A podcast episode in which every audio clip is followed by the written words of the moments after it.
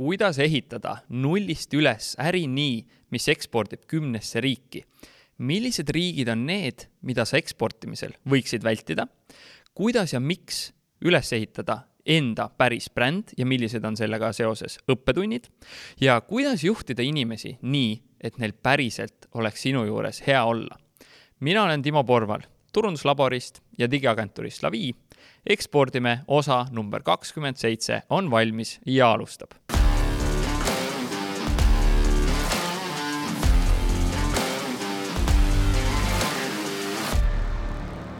enne veel, kui läheme saate juurde, siis tule otsi Facebookist üles grupp Ekspordime ning tule sinna liikmeks, siis sa saad alati teada, kui uus osa ilmub.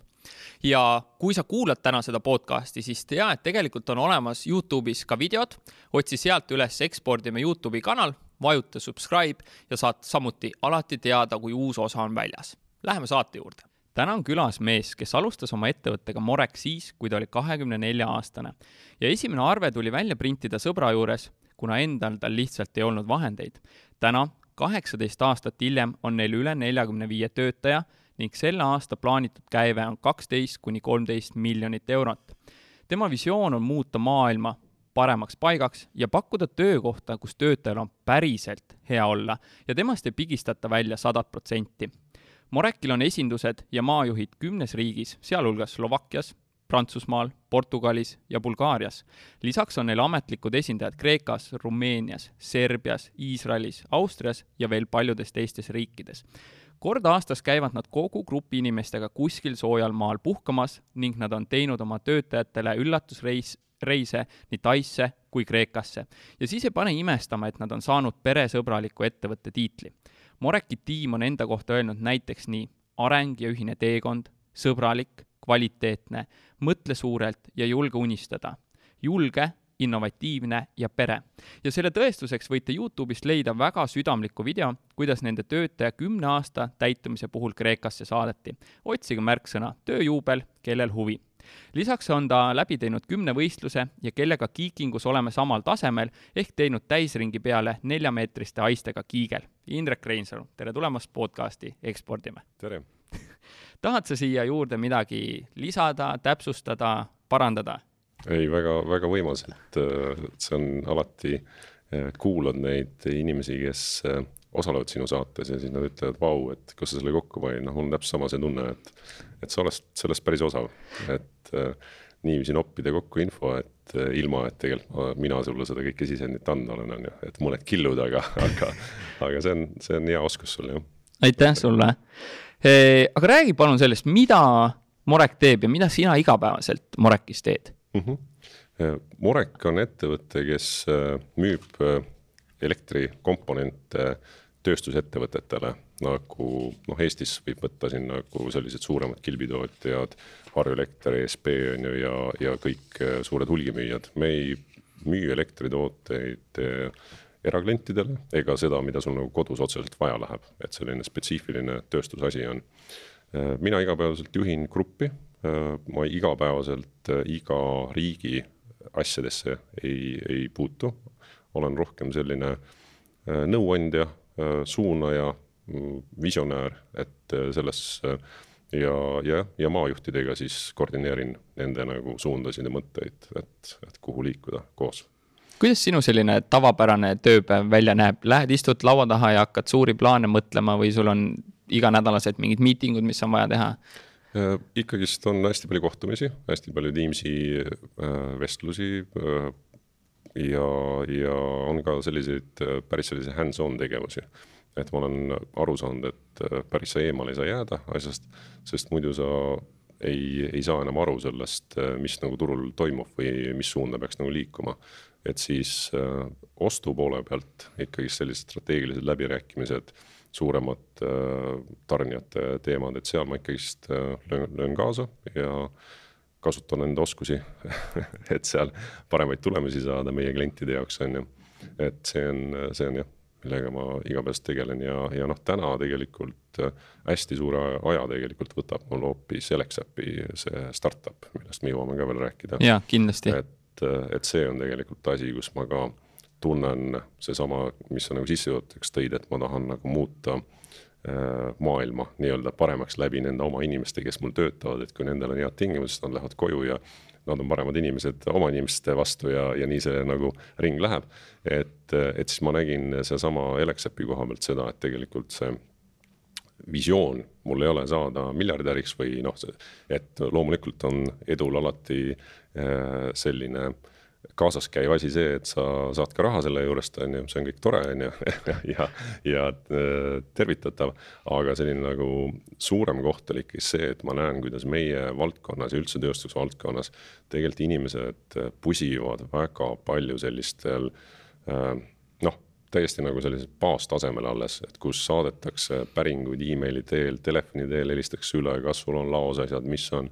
ja hästi paljud ettevõtted on nagu sellises äh, ebavõrdses seisus, et kes on nagu hästi suured sellised korporatsioonid, kellel emaettevõte pumpab miljoneid oma mingitesse veebikeskkondadesse, siis äh, sellised kohalikud ettevõtjad, noh, nendel on hästi raske sammu pidada nendega, et äh, see, see tasakaal selle koha pealt, et kui palju sa peaksid raha panema enda sellisesse veebikeskkonda, mis nagu päriselt töötaks nagu B2B keskkond, mida siis klient äh, sooviks päriselt kasutada ja see mm, väärtus mis sa nagu sealt tegelikult saad nagu tagasi, noh, et päriselt sealt nagu ostma hakatakse.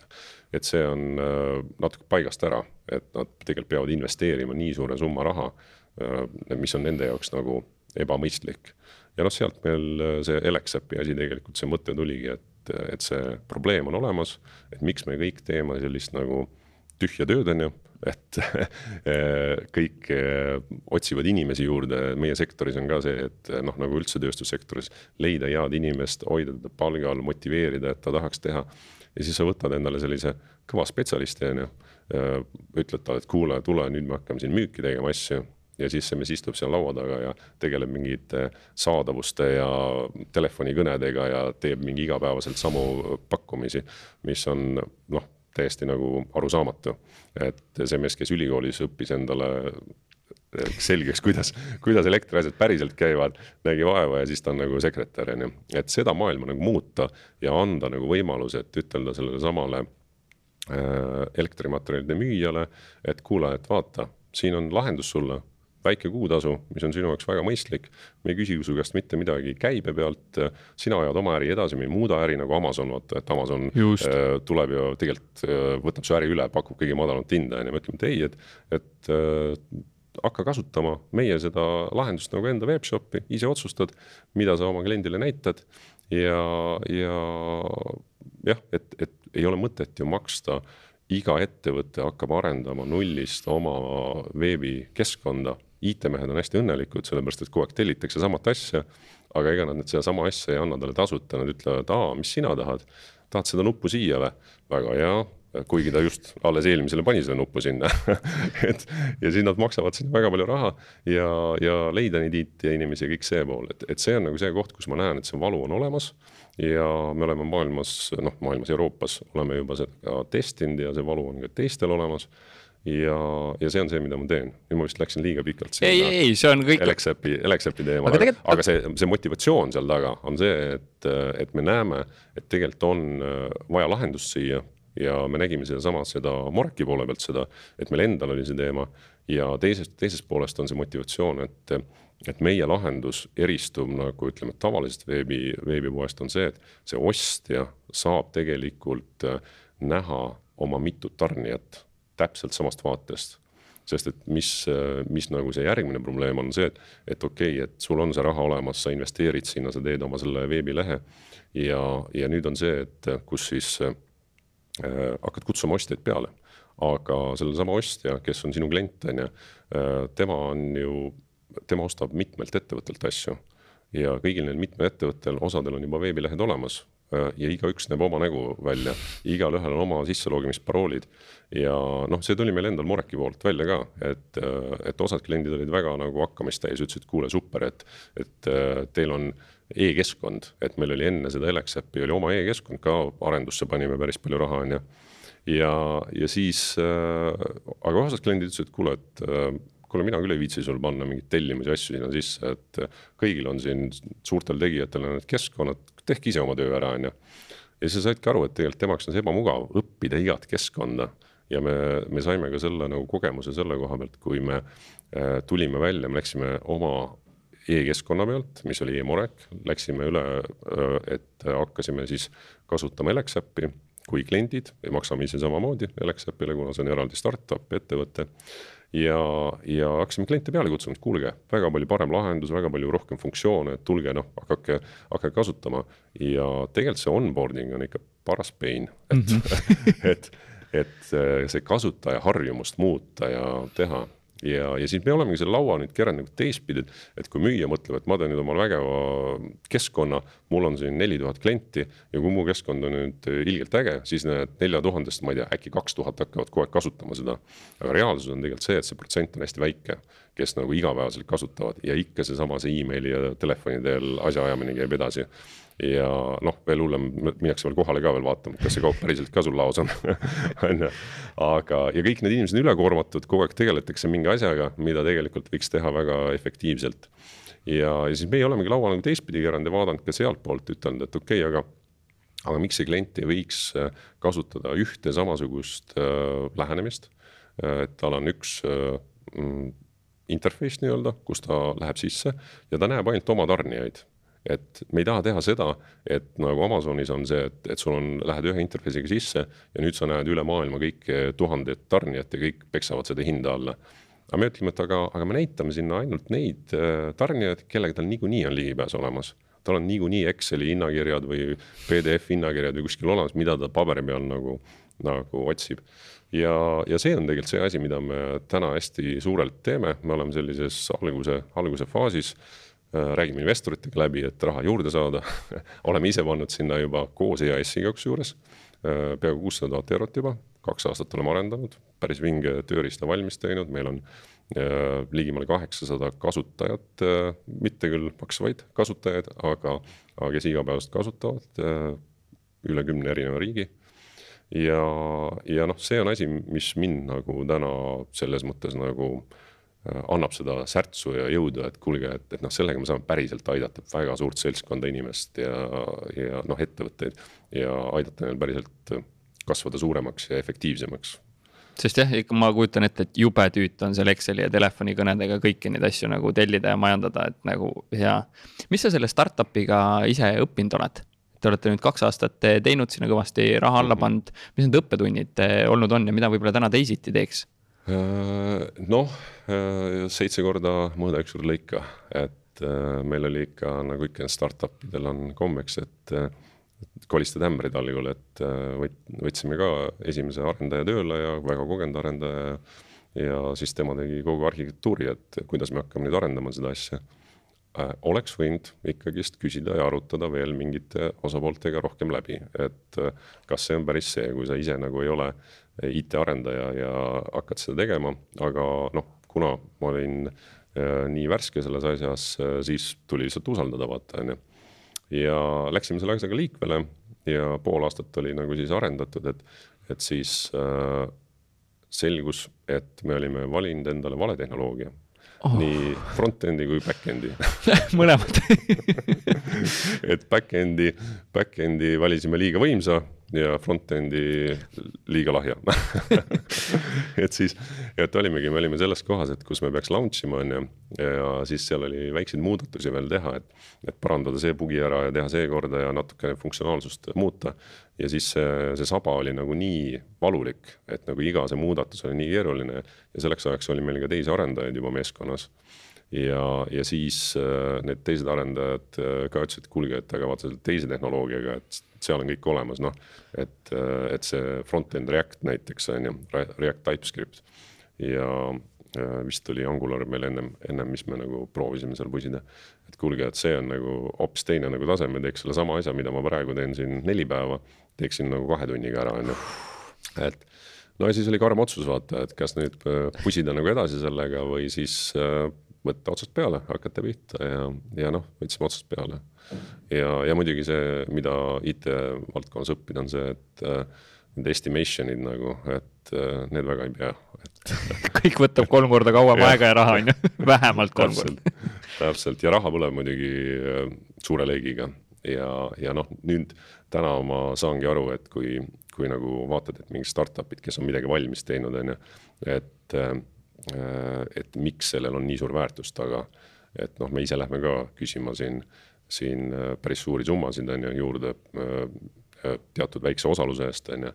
et aga kui sa kõrvalt vaatad, siis tundub, et noh, mis asja, mehed panite siin kaks aastat arendust ja kuussada tuhat, et noh, et mis siis ära ei ole, et, et ma panen ise parem see kuussada tuhat ja teen enda oma ettevõtte. aga tegelikult see on ikka, see on noh, seal mul üks tuttav ütles hästi, et äh, Sven Tigasest saan, saan tervitada. ta ütles, et sellise toimiva arendusmeeskonna kokkupanemine, leidmine ja hoida neid töös, et see on magic, et et ja jah, kahjuks või õnneks see nii on jah et siis äh, noh, seda on nagu õnnestunud, et, et sealt, sealt on ka aru saada, et miks need IT-arendused on nii keerulised ja ja, ja sa näed, kuidas ka noh, mul endal on olnud neid vestlusi selliste, käisin Leedus äh, seda Alexapi tutvustamas ja siis oli selline vanakooli äh, juht on ju seal otsas ja ütles, et ja, ja et noh, kuulge, et teil on noh, tore asi, aga, aga me teeme ise endale selle on ju. ütlesin, et kuule, et aga kas sul on mõistlik, et vaata mm, -hmm. et sa mhm. paned sinna noh isegi kui sa nagu lihtsalt liidestad ära ja teed nagu sellise elementaarse webshop'i, mis päriselt noh, korralikult töötab ja on turvaline. et sa paned ikka kolmkümmend, viiskümmend tonni paned sinna hakkama vähemalt, on ju ja kui tahad juba spetsiifilisemalt nagu meil, noh, siis sinna läheb ikka hulga rohkem raha. ma ütlesin, mis asja, me teeme kolme tuhande euroga ära selle. ütlesin, jah, siin ma ei vaidle, et. sinu õppetund võta tehke, tehke kolme tuhandega ära räägime, räägime siis, kui teil on see kolme tuhandega tehtud asi, et. me näeme sama asja endal digi, digiarendustesse samamoodi, et noh, mis see siis ju ära ei ole. et ja. tehke meile samasugune pood nagu Amazon, et palju see ikka ju raha võtab, on ju. ja teine, teine, mis on põhiviga, on see, et isegi kui on nagu summad suured, et arvatakse, et kui ma võtan selle IT-ettevõtte et siis on nagu võtmed kätte, vaata lahendus on ju, et noh, et näiteks sa võtad mingi ettevõtte, kes teeb sulle siis selle platvormi, ütleb, et. et pool aastat äh, kakskümmend viis tuhat on ju, oh, kuule, aga minu asi on ju, et ma ikka teen selle arenduse ära. aga noh, mis, mis juhtub, on tegelikult see, et äh, sellest kahekümne viiest tuhandest tegelikult saab viiskümmend tuhat, äh, kuna sa ise ei suuda näha neid asju ette, mida sa tahad. et IT-ettevõte teeb korrektselt kõike et see, mida sa tellisid, täpselt saadki oma kahekümne viie tuhandest, aga sellel hetkel sa ei oska näha, et need asjad on mul puudu veel. ja siis sa muudkui maksad ja maksad ja sellest poolest aastast mitte IT-ettevõtte pärast ei saa kaks aastat või poolteist aastat, vaid just selle tellija pärast saab see. Ja, ja need on vaata need rasked kohad, et, et miks nagu inimesed, kes on tegelikult oma põhiäris, näiteks tööstuskaupade müüjad eh,, miks nad peaksid nagu hakkama sinna maailma sukelduma, miks nad peavad ennast sinna nagu eh, nii-öelda koolitama tasemele, viima inimesi sellele, kaasama ja kõike seda, et, et jah. ja pärast seda kõike ju käigus hoida ja, ja samasugune raiskamine nagu Exceli vaheldusel nende tellimuste tegemine, et ja. kui oleks üks, üks ja hea platvorm. mul mm -hmm. siit kohe tekkis paar küsimust, sa ütlesid alguses, et, et oleks kaasanud teisi osapooli. mis, mis need osapooled oleks pidanud olema, et see, vältida seda, et kõik. saab ju ilusti rääkida läbi erinevate IT-ettevõtetega, ütelda, et kuulge lepime kokku, mis see konsultatsioonitasu on, tunnitasu on ju, ja, ja vaatame otsa sellele, et mis teie arvate, et täna tahame sellist asja teha, on ju. et vaata see hetk, kui sa lähed liikvele, siis sa arvad, et, et okei okay,, et noh, ma ei tea, kas on mõtet nagu tuhat eurot siin kulutada või ma ei tea, tuhat viissada eurot selle peale, et, et saada mingit nagu nõu, on ju. aga kui sa oled lõpuks ära kulutanud äh, väga palju suurema summa ja saad aru, et kuule, vale suund oli, kus me jooksime, mehed, et hakkame nüüd teises suunas jooksma. Et siis on nagu see mõistlik ikkagist äh, teha seda see on nagu maja joonis ja tööjoonised on mõistlik teha enne, kui sa hakkad maja ehitama, see hoiab nagu tegelikult aega ja raha kokku, on ju. ja, ja mitte ise teha, vaid äh, ka samamoodi ikkagist äh, inimestega rääkida, kes on juba mitu maja joonistanud ja selle järgi on ehitatud asju äh,. ja, ja võib-olla sul sinu oma ehitaja tuleb ja ütleb, et joonistame niiviisi, tasub ikkagist küsida kellegi teise ehitaja käest veel, et mis tema arvab, et juurde nagu seda, jah ja kus see, kus te arendajad endale leidnud olete tänases eh, keskkonnas, kus meil on siin Wise'id ja Skype'id ja Pipedrive'id ja kõik, et kas need on Eesti arendajad ja kuidas, kuidas olete palganud ja võtnud neid ja vaadanud, et saaks just õige mees või naine sinna mm? -hmm jah, nad on Eesti arendajad ja ma olen ise neid palganud ja, ja mis nagu äh, mis nagu olukord oli see, et eh, noh, et kui me selle projektiga liikvele läksime, et siin on nagu, nagu ma ütlesin, et EAS on tegelikult meid seal kolmesaja seitsmekümne kahe tuhande euroga toetanud ja suured tänud siinkohal EAS-ile, et äh, nad tegelikult aitavad päriselt äh, sellistel asjadel nagu lendu minna, on ju, et ilma selleta noh, pea võimatu äh, üldse liikvele saada, on ju. et kui sul on päris asi, mida sa tahad teha, on ju, et need noh, summad, mis kuluvad, on nagu nii suured. aga teisest küljest EAS-iga meil oli ka selline noh, info vahetuse koha pealt ja eks on arusaadav, et see info neil on ka süsteem suur ja muutub info palju. lihtsalt nali oli selles, et äh, helistasin neile, äh, et meil on selline projekt, selline plaan on ju, et me hakkame kõik kokku kirjutama, et seda korralikult teha, on ju. Äh, äkki oli mingi augusti algul või midagi sellist. Et kui kaua nagu aega on, et teil palju raha jätkub, et kas on kiire või ei ole, ütlesid, ai aega on, et meil nagu taotlusi praegu vähe ja aasta lõpuni on aega, et võid rahulikult teha, ma ütlesin väga hea, noh, korralikult mõtleme läbi, mõõdame ära, mis me teeme ja kõik ja kahe nädala pärast tuli mul meil, öeldi, et äh, see oli esmaspäeval kell kaks, kaksteist tuli meil. Öeldi, et kui sa kolmapäeval kella kaheteistkümneks äh, taotlust ära ei esita, äh, täisprojekti nagu täislaksu, siis sa kahjuks rahavooru ei mahu, sellepärast et rahad hakkavad otsa saama. et noh, et, et see on nagu viimane, viimane šanss nagu sul, sul teha. noh, ja siis me pidime hästi kiiresti nagu meeskonna kokku panema. reaalselt ka öötunde seal võtma, on ju, et see asi nagu päriselt kirjutada kokku, et see ei ole selline üks A4, mida sa pead nagu tegema selle valmis ja, ja meil õnnestus see, et üldiselt mina kiidan EAS-i, üldine selline tugi suhtlus, kõik, et kui arvatakse, et see EAS on mingi suur tont-koll, kellega ei tasu koostööd teha. Mm, minu kogemus on, eks oleneb inimestest, kellega sa kokku puutud. aga, aga seal inimesed jah, kellega me kokku puutusime, on väga, väga professionaalsed ja väga abivalmid olnud. ja, ja noh, tänu sellele me saime nagu selle asja, asja kenasti äh, käima lükatud, aga see jutu mõte oli seal palkamise koha pealt ja selle palkamisega oli see, et tegelikult meie enda nagu noh, kõik soovitasid ja enda see mõte algul oli see, et miks minna ise IT-maailma, kui sa võid ju teenust sisse osta, et las teevad seda, kes on, teevad ju professionaalid, on ju. aga EAS-i nõudmites on see, et sul peab olema kolm pakkujat konkureerivad pakkujad, et seda projekti noh, teha, on ju. aga nii väikse etteteatamisajaga ükski IT-ettevõte ei olnud valmis meile pakkumist tegema ja siis me pidime lihtsalt projekti panema selle, et me võtame inimesed tööle. ja, ja noh, siis ma olingi selle portsu otsas, et kui öeldi, et ja, et nüüd on äh, roheline tuli, hakake nüüd äh, tegema. Äh, siis tuli hakata inimesi otsima. ja inimeste otsimise koha pealt nii Moreki äris kui Alexapi äris on ikkagi see personaalne lähenemine. et ma ikkagist konkreetselt ise lähenesin, panime küll kuulutuse üles, on ju, aga, aga enamus inimesi on ikka see, et äh, sa ise võtad ühendust, ütled, et kuule, LinkedInist äh, proovid ühendust saada, pommitada, vaadata, kellel on see stack olemas, mida sa otsid. ja, ja personaalselt räägid nendega, ütled, et kuule, me teeme sellist ägedat asja, et äh, noh, kõigepealt ütled, et kuule, kas sul on natuke aega, räägime viisteist minutit, kakskümmend minutit.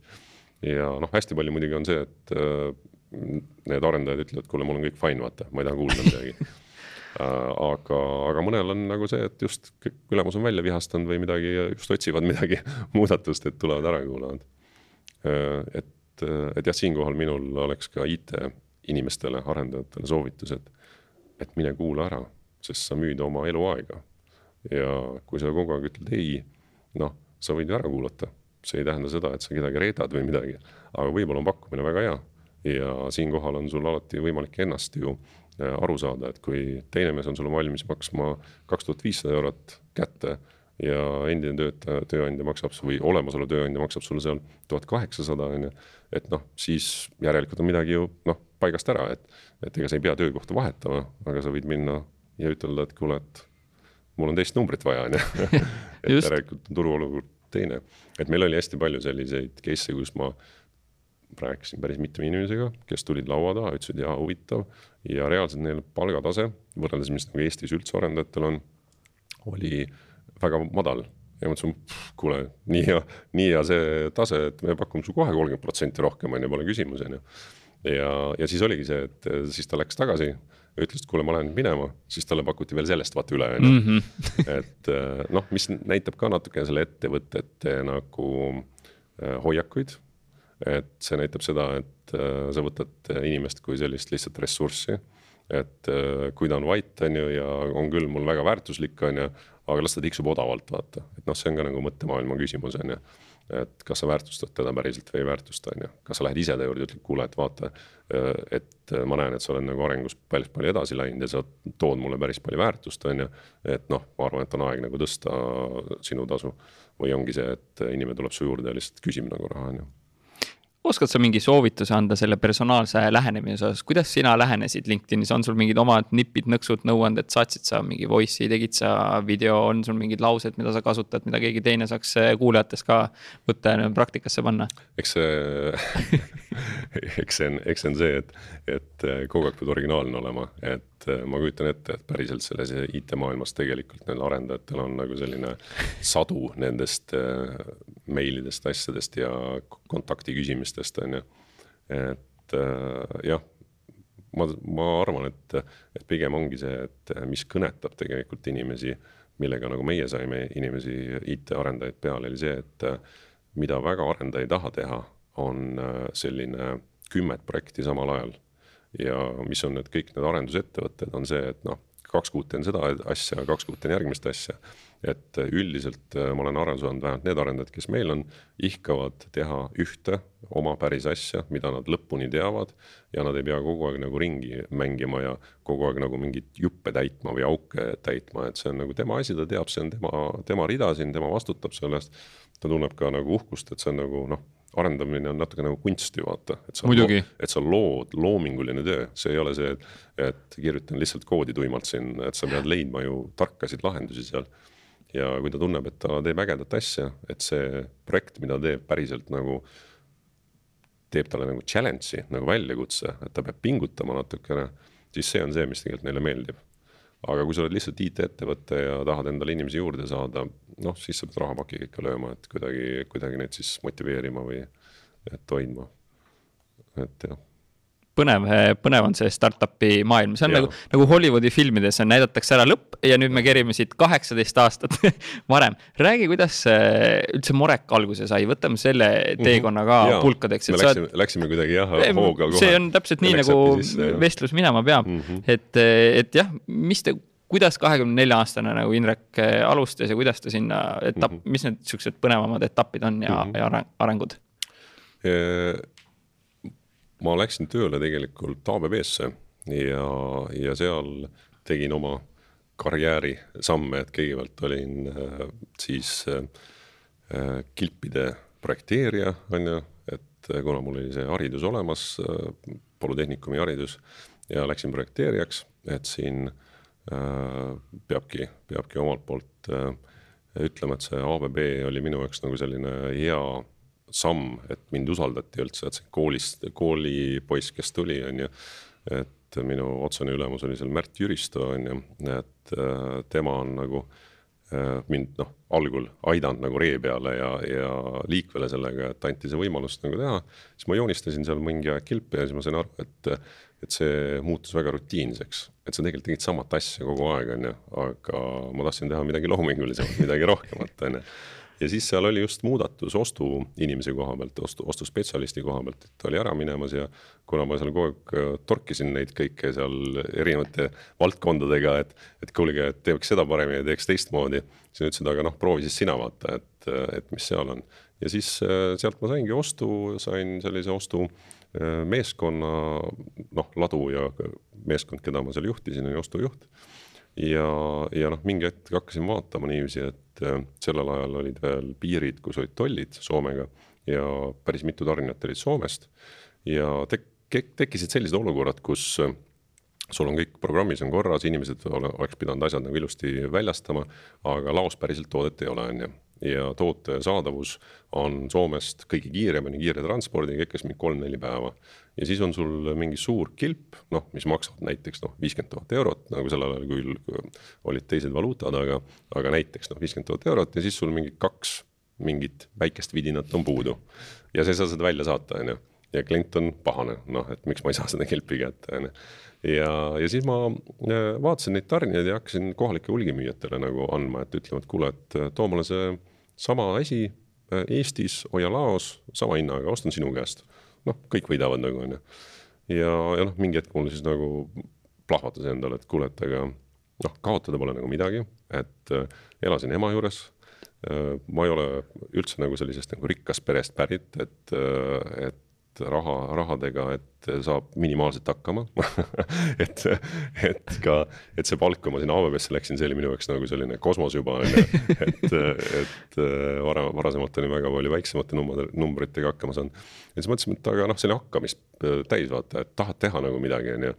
et ja siis mõtlesin, aga proovime noh tulin ABB-st ära ja hakkasime pusima ja siis äh, Tarmo, Tarmo Järve, kes meil täna on finantsjuht, temaga koos siis äh, tegime sellise partnerdiili ja hakkasime pihta, panime tema isa garaaži seal puitlaudadest riiuleid ehitasime mingi vanadest lauajääkidest, panime sinna tooted peale, saime, see algas tegelikult ka kahest, kahest Soome tarnijast, kes meid usaldasid. Äh, et et võtsime lihtsalt ühendust ja need vaatasid mingi noored kutid, et selline hirmus, hirmus entusiastlikud on ju, et, no hea küll, noh eks, eks te siis esindage meid, vaata, et mingi Eesti riiki, noh, hea küll, et, et noh, tehke siis asju, on ju. et ja me seal hirmus pusisime ja noh, seesama, mis sa siin alguses ütlesid ka selle tutvustuses, et, et nali oligi selles, et panime ju, sellel ajal oli vaja nelikümmend tuhat krooni vist või, oli vaja seda omakapitali, et see nagu kokku kraapida, see oli juba noh, selline suur asi, et kõik mu palgasäästud, mis ma olin kogunud, on ju, läksid sinna sisse. ja, ja siis äh, selle raha eest me saime siis nagu kaupa osta, on ju. aga jah, arvuti me saime ka ostetud, aga printerit veel ei julgenud osta või ei, ei, ei olnud raha piisavalt. ja siis, kui me esimese nagu tellimuse kätte saime ja pidime arve tegema, et siis ma mäletan hästi, et siis läksin äh, sõbra juurde ja ütlesin, et kuule, et äh, äkki saab välja printida, et et meil ei ole printerit on ju. aga siis, kui see läks päris kenasti nagu liikvele, see kõik asi ja, ja saime need äh, printerid ostetud ja asjad järjest edasi ja, ja eks selles äris on ka sellist õnne olnud, et kus me, kus me nagu ise proovime leida kogu aeg nagu erinevaid niisuguseid häkke, vaata, et kui sa äh, ostsid a la mingit klemmi seal ühe euroga, on ju, ja müüsid siis edasi seal noh, palju sul selle kate oli, on ju, viisteist protsenti on ju mingil juhul on ju, või võib-olla mingil juhul kellegiga rohkem, on ju. aga, aga noh, see protsent nagu versus nagu, et äh, ta sind kohe nagu rikkaks ei tee, on ju ja siis me võtsime selle soomlastega ühendust, ütlesime, et kuule, et noh, teil Soomes ju hirmus kallis ju asju kokku panna. et seal on sellised klemmid, kruvite kokku, on ju, et äh, me paneme Eestis ise vaata kokku, on ju, et saatke meile jupid lihtsalt, et me paneme ise kokku need asjad. ja need tegid oma arvutuse nii, et võtsidki täpselt äh, nagu endale ei jätnud vaata sealt mingit suurt puhvrit, vaid vaatasid, ahah, materjali hind on see, on ju. ja et kui ennem müüsid meile euroga, et nüüd müüme viiekümne sendiga ja, ja sealt läks meil tegelikult asi nagu lendu, et me noh, see komplekteerimine ei maksnud sel ajal nagu midagi ma olen ise ka komplekteerinud ise kruvinud neid kokku pannud neid asju, et ja on veel kõik pered ja kõik on ju, et, et sellega nagu liikvele läinud on ju. ja lõpuks olid tuttavad ja sõbrad, kes veel kruvisid, kogus järjest kasvas on ju. ja, ja sealt läks nagu liikvele asi, kus see kasum tuli juurde ja, ja siis nad andsid veel meile ühe olemasoleva kliendi, mis oli ka nagu, et, et seesama Soome ettevõte, et et mille pealt me äh,, oli üks Läti klient äh,, ta on tegelikult siiamaani meil klient äh,, kes siis ostis päris suures mahus ja, ja ma arvan, et ostis rohkem juba sellel ajal, kui meie kõik see asi kokku, mis seal oli, mis me sealt Soomest ostsime. ja siis me läksime, rääkisime nendega, noh, et kuulge, et käime õlut ja ütlesime, et kuule, et aga andke nagu ikka Läti ka meile, vaata, et noh, meil kogu Baltikum, et me siin lähemal ja värgid ütlesid ja, ja anname, aga, aga noh, nendel olid ju teised hinnad ja mahud olid hästi suured ja siis ma mäletan, kuidas me seal faksimasina juures nagu, kui faks hakkas tööle, siis teadsime, oh Lätist tuleb tellimus, kõik nagu ootasid oot-oot-oot et see oli nii suur tellimus meie jaoks juba, mis andis nagu rahaliselt hoopis teised vahendid nagu. ja siis sealt, sealt me saime päris sellise korraliku boost'i nagu peale, kus me noh, on finantse ja vahendeid, millega nagu te teha tegusid, on ju ja jah, ja siis me proovisime, käisime ju natuke Lätti proovisime müüa, et käid ise koha peal äh, ja proovid seal müüa ja Leetu ja, ja, ja sealt nagu see asi läks liikvele. Äh, kas ma jätkan kogu selle Moreka arengut või sul oli mingi täpsem küsimus? ma võtan siit ma..., lähme järjest äh, ja. kaevuma tegelikult sügavamale, et see mhm. alguslugu oligi hästi-hästi põnev ja mm, -hmm. ja lahe kus te üldse, kus need esimesed ekspordid äh, läksid ja, ja kuidas see ustele koputamine teil siis äh, käis? no see oligi suhteliselt selline külm, külm äh, minek, et külm kool nagu, et, et sa vaatasid välja, et ahah, Leedus on mingi selline ettevõte, kes tegeleb siis mingi kilbi tootmisega. ja siis äh, võtsime ühendust, helistasime, kuulge, äkki saaks kokku, räägiks, meil sellised tooted. ütlesin, noh, davai, tulge, vaadake ja siis läksime sinna, rääkisime ja mõni läks õnneks, noh, paljud läksid ka muidugi tühja, on ju. et, et sealt läks tegelikult see eksport nagu niiviisi, niiviisi käima nii-öelda äh, Leedu, Läti, no Läti vaata, me saime nagu selle mm -hmm. ühe suure. Ja kui sa juba selle suure saad äh, ja esindad, kuna sellel ajal me esindasime erinevaid brände, mida me mingil määral ka täna teeme Moreki all nagu, aga, aga see oli põhiäri, et on erineva brändiga tooted, meil oma brändiga toodet ei olnud siis veel jah kuidas te, kuidas te seal kohtumistel, ma ei tea, käitusite, läbi rääkisite mingeid sealt siukseid nippe ja, ja nõuandeid, mis sa nägid, et vot see töötab küll? ma arvan, kaheksateist aastat tagasi see maailm oli teine aga täna, kui te teete sama asja ka natukene või te täna enam mustele ise ei koputa? ikka, ikka käime, ikka käime, et see on tegelikult äris äh, väga oluline osa ja just sellises tööstusäris, et, äh, et see on see edu võti, et me oleme ka proovinud, et mõtled, et et nagu noh, seesama see teema, et inimesed arvavad tänapäeval, et ma teen endale ägeda webshop'i, teen ägeda seo sinna peale. küll nüüd hakkavad kõik ostma, et kohe hakkab järgmisest tulema, ei hakka. sa võid panna sinna palju raha, teha oma väga vinge webshop'i, aga neid on tuhandeid juba. ma ütlen kümme aastat tagasi, ütleme, et see aeg, kui meie alustasime, kui sul oleks vinge webshop olnud, on ju, et siis see oleks eristunud midagi ja see oleks nagu andnud sulle nagu hoogu. aga täna on nii suuri tegijaid, nii suurte nagu lahendustega, et, et selline noh, kui me Eesti mõistes räägime, väga raske on sul sellega kuskile nagu eristuda või lennata, et. et äh, äri käib ikka inimeste vahel, et kui sa tööstuses tahad äri teha, siis sa pead ikka inimestega kokku saama, rääkima, miks ja mida sa pakud ja, ja sealt äh, nagu lendu minna. noh, selline landing page on muidugi oluline, et äh, kui keegi otsib midagi juhuslikult, et ja seda klienti ei tea, on ju, ja ta leiab su üles, et noh, sealt tuleb liide, aga enamus edust, enamus sellised suured diilid ikkagist äh, minu selle kaheksateist aasta kogemuse põhjal on ikkagi see, et sa ise lähed, koputad uksele, ise otsid välja, seal on see ettevõte, kes on see inimene, kes seda otsustab seal, lähed räägid temaga ära, ütled, ma olen see mees ja teen neid asju. Ja me oleme erinevates riikides, me ju, me oleme erinevates faasis nagu erinevas riigis, et noh, Eestis oleme kaheksateist aastat, täna Bulgaaria, Prantsusmaa, noh, seal me oleme täitsa alguses, Portugal ka et, et näeme samamoodi, et, et sa võid saata neid meile, sa võid äh, kirjutada. Äh, noh, keegi ei reageeri selle peale. peale seda, kui sa oled näost näkku kokku saanud, vaadatakse päris inimesed, teevad päris asja, okei okay,, räägime. et, et seal on jah. palju sa enne selliseid kohtumisi eeltööd teed? Äh, ma ise enam väga ei kohtu müügi, müügi koha pealt, kuigi Alexapiga Äh, olen mina see, kes praegu kohtub mm -hmm. sellepärast et, et ennem, et sa saaksid nagu süsteemi äh, luua ja anda edasi kellelegi, pead sa ise selle kogemuse ja vitsad kätte saama. et kui sa oled selle kogemuse vitsad ära saanud, siis sa saad öelda järgmisele mehele, et kuule, seda ma proovisin, seda ma proovisin, aga see on hea viis, vaata. ja leia ka oma viisid, on ju, aga annad talle nagu suuna kätte, et mis nagu töötab ja mis, mis nagu lendab.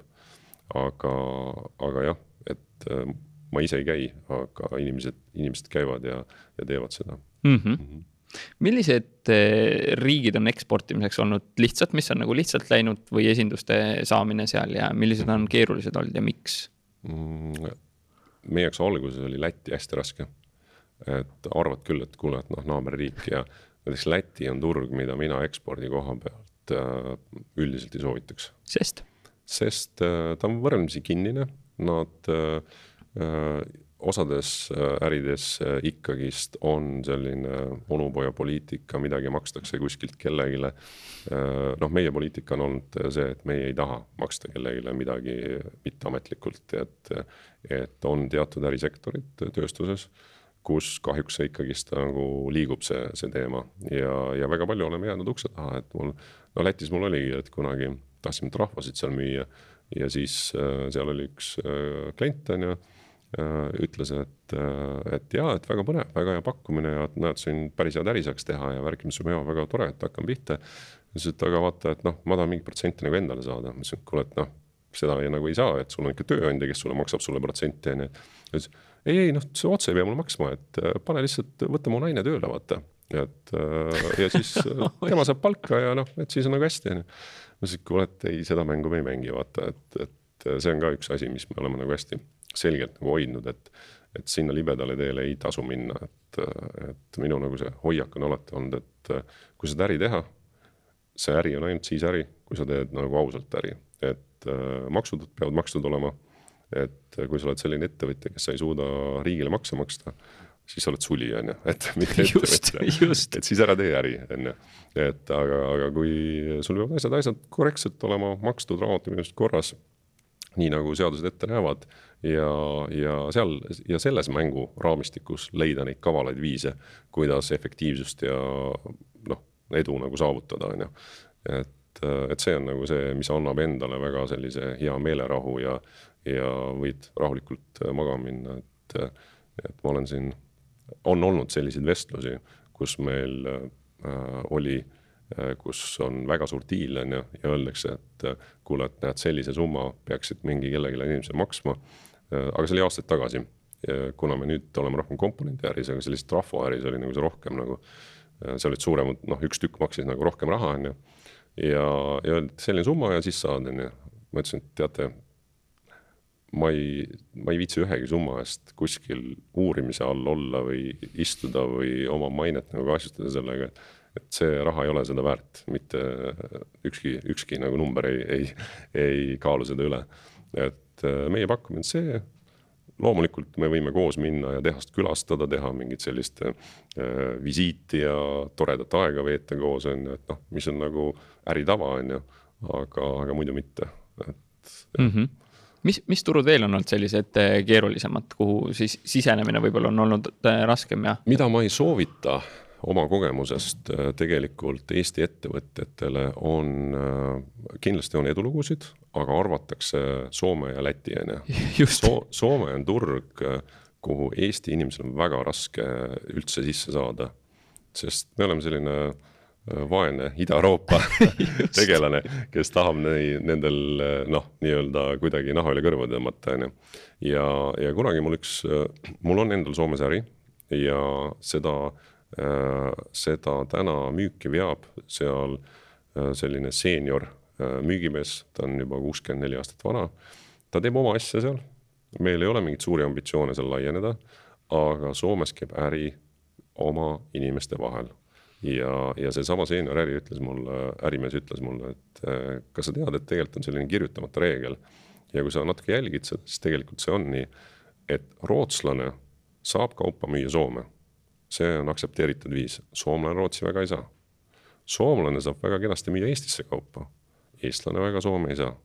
samamoodi on Lätiga, et tegelikult eestlane isegi õnnestuks mingil määral Lätti müüa, aga kui palju on neid Läti ettevõtteid, kes tegelikult Eestisse toovad su kaupa, näiteks meie valdkonnas väga vähesed, väga vähe, et nagu siiapoole liikuda. et selline nagu, selline nagu natuke nagu psühholoogiline kirjutamata reegel ja kui sa tahad sellele vastu ujuda see on raske, et äh, noh, edu võti on see, et, et kui sul on ikkagist täpselt oma valdkonna inimene, keegi, kes tahab sul partneriks tulla Soomes ja tal on oma äh, need äh, noh.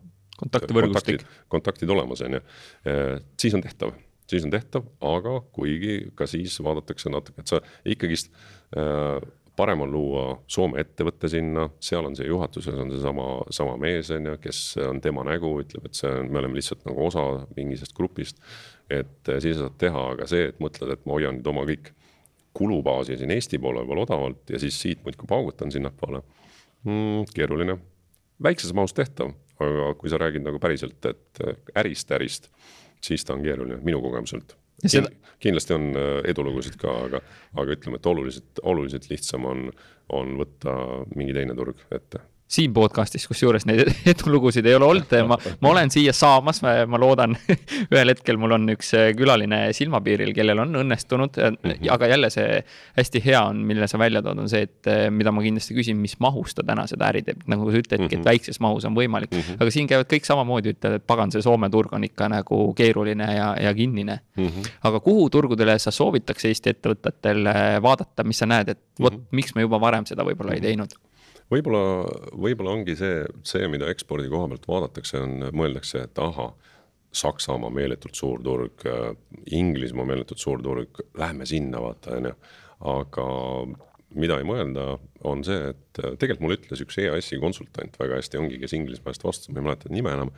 aga kui ma temaga ühendust võtsin, et küsisin, et noh, EAS pakub sellist teenust, et sul on nagu see konsultant on ju, kes siis äh, viib sind kokku mingite liididega, et jällegi mina soovitan pigem nagu konsulteerida nende inimestega EAS-is äh,. kui sa tahad päriselt eksporti teha, aga Inglismaa mees ütles mulle hästi lihtsalt, et äh, inglise keelt kõneb kogu maailm see tähendab seda, et sinna UK turule tahab kogu maailm sisse saada. ja noh, see tuleb uksest aknast tulevad kogu aeg mingid ideed ja pakkumised, mida keegi tahab ja nüüd, kui see eestlane nüüd tahab ka sinna minna, ta on keeruline, et äh, minu jaoks täna on äh, väga suured äh, turud ja väga edukad turud Poola, Tšehhi, Slovakkia. me müüme Ungarisse väga kõvasti, et tegelikult see suund, noh, arvatakse, et ma ju ei räägi seda poola keelt ja nii edasi, on ju et aga, aga need turud on märksa vähem ülekoormatud erinevate asjadega. ja meil on see Balkani regioon ja see on näiteks Balkani regioonis äh, selline Eesti on juba vaadates selline Skandinaavia suund on ju, ja see on juba selline nagu kõva sõna, vaata. et, et kui sa nagu Eestist lähed müüd Tšehhi ja sinna rohkem lõunasse, äh, Balkani maade poole on ju, äh, siis see on ikka kvaliteedimärk ja see on juba niisugune noh väärikas värk ja ja neil on ka tore see, et kui nad siia külla tulevad, siis neil on midagi erisest, vaata, et sa kutsud nad külla, näitad, vaata, meil on siin järved lähevad jäässe ja no neil läheb ka seal, aga, aga neil läheb ka seal, aga, aga noh, põhimõtteliselt nagu, et, et sa saad nagu näidata midagi, midagi nagu teistmoodi seal olla, et, et see on tegelikult olnud meil, meil see suund, kuigi me praegu äh, proovime siseneda Prantsusmaale, mis on ka oluliselt suur turg, on ju, ja läheb vaevaliselt et äh, see on ka väga-väga kinnine. et äh, saime just sinna kohaliku mehe paika ja, ja noh, mis meie, meie nagu arusaam ongi see, et äh, mis mina arvan, et mis on meie nagu edu võti ja mida ma väga soovitan samamoodi ekspordi tegevatele ettevõtetele on see, et kui sa päriselt tahad minna kuskile turule, sa pead inimesi koha peal palk, palkama. sa ei saa teha seda, et ma võtan siin hästi vinge ekspordijuhi ja nüüd ta hakkab panema seal Poolas ja Tšehhis. Poola, Tšehhi Äh, väga paljud ei räägi isegi inglise keelt enam. et ma võin minna kliendi kohtumistele ja nad ei saa aru midagi minust, mis ma räägin, on ju. et nad räägivad oma keeles, nendel on oma maailm, neil on piisavalt, piisavalt suur rahvaarv, et nad saavad hakkama oma elu, nii et nad ei pea teist keelt rääkima nii-öelda, on ju. et see on, see on kindlasti üks, üks soovitus minu poolt, jah enne kui me võtame ette podcast'is järgmise küsimuse, siis äh, väike teadaanne sulle. Äh, aastast kaks tuhat kakskümmend kolm, äh, null üks, null seitse lõpetab Google Analytics Universal siis oma tegevuse ja ainult läheb üle Google Analytics neljale. ehk siis kindlasti vaata üle see, et sul Google Analytics neli oleks juba täna küljes ja seadistatud ja samamoodi, et kõik küpsised vastaksid kõikide GDPR seadustele, sest eh, mida me näeme oma digiagentuurist Lavi, enamikul on need paigast ära.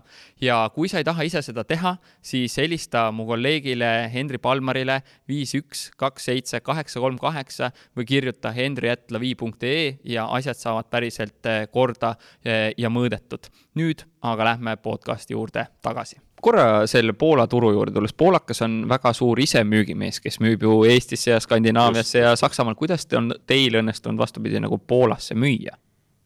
Äh, vaata, äri käib inimeste vahel ja, ja tegelikult äh, noh, loomulikult sa ei saa päris mingit äh, pastapliiatsit suvalist, mis maksab kaks eurot, müüa seda saja euroga Poola, on ju, et see ei ole nagu tehtav, on ju aga alati on mingid nišid olemas, on ju, et mida sa nagu täidad, et, et jah, sedasama toodet, mida meie Poolas müüme äh,, erinevad klemmid ja tarvikuid, neid on äh, oluliselt soodsamaid pakkumisi turul kõvasti, kõvasti on neid seal. aga me oleme võtnud selle kvaliteedi suuna ja nad saavadki aru, et seal on teine tase, et sa mingil määral eristud selle koha pealt ja on kliente, kes siis nagu äh, ütlevad, et ei, mind ei huvita, ma tahan kõige odavat, tahangi seda Hiina nagu jura saada, on ju ja siis on teise, teised kliendid, kes nagu äh, ütlevad, et jaa, et tegelikult äh, meil ongi vaja nagu, et meie toode on ka väärikam, me ei taha sinna mingit äh, noh, nagu jama sisse panna. aga, aga ikkagist inimesed on teema.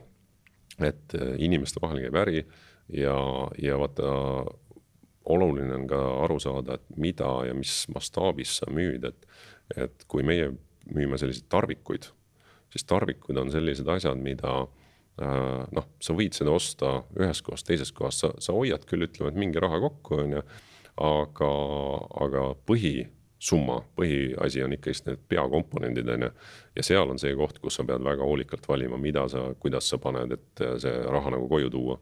et siis pigem ongi see, et mis suhe sul inimesega on, millist teenust nad sulle pakuvad et sa võid küll saada näiteks odavamalt seda toodet, aga nagu meil praegu Hiinas on seis, et on kõik lockdown on ju ja kaupa ei ole lihtsalt on ju.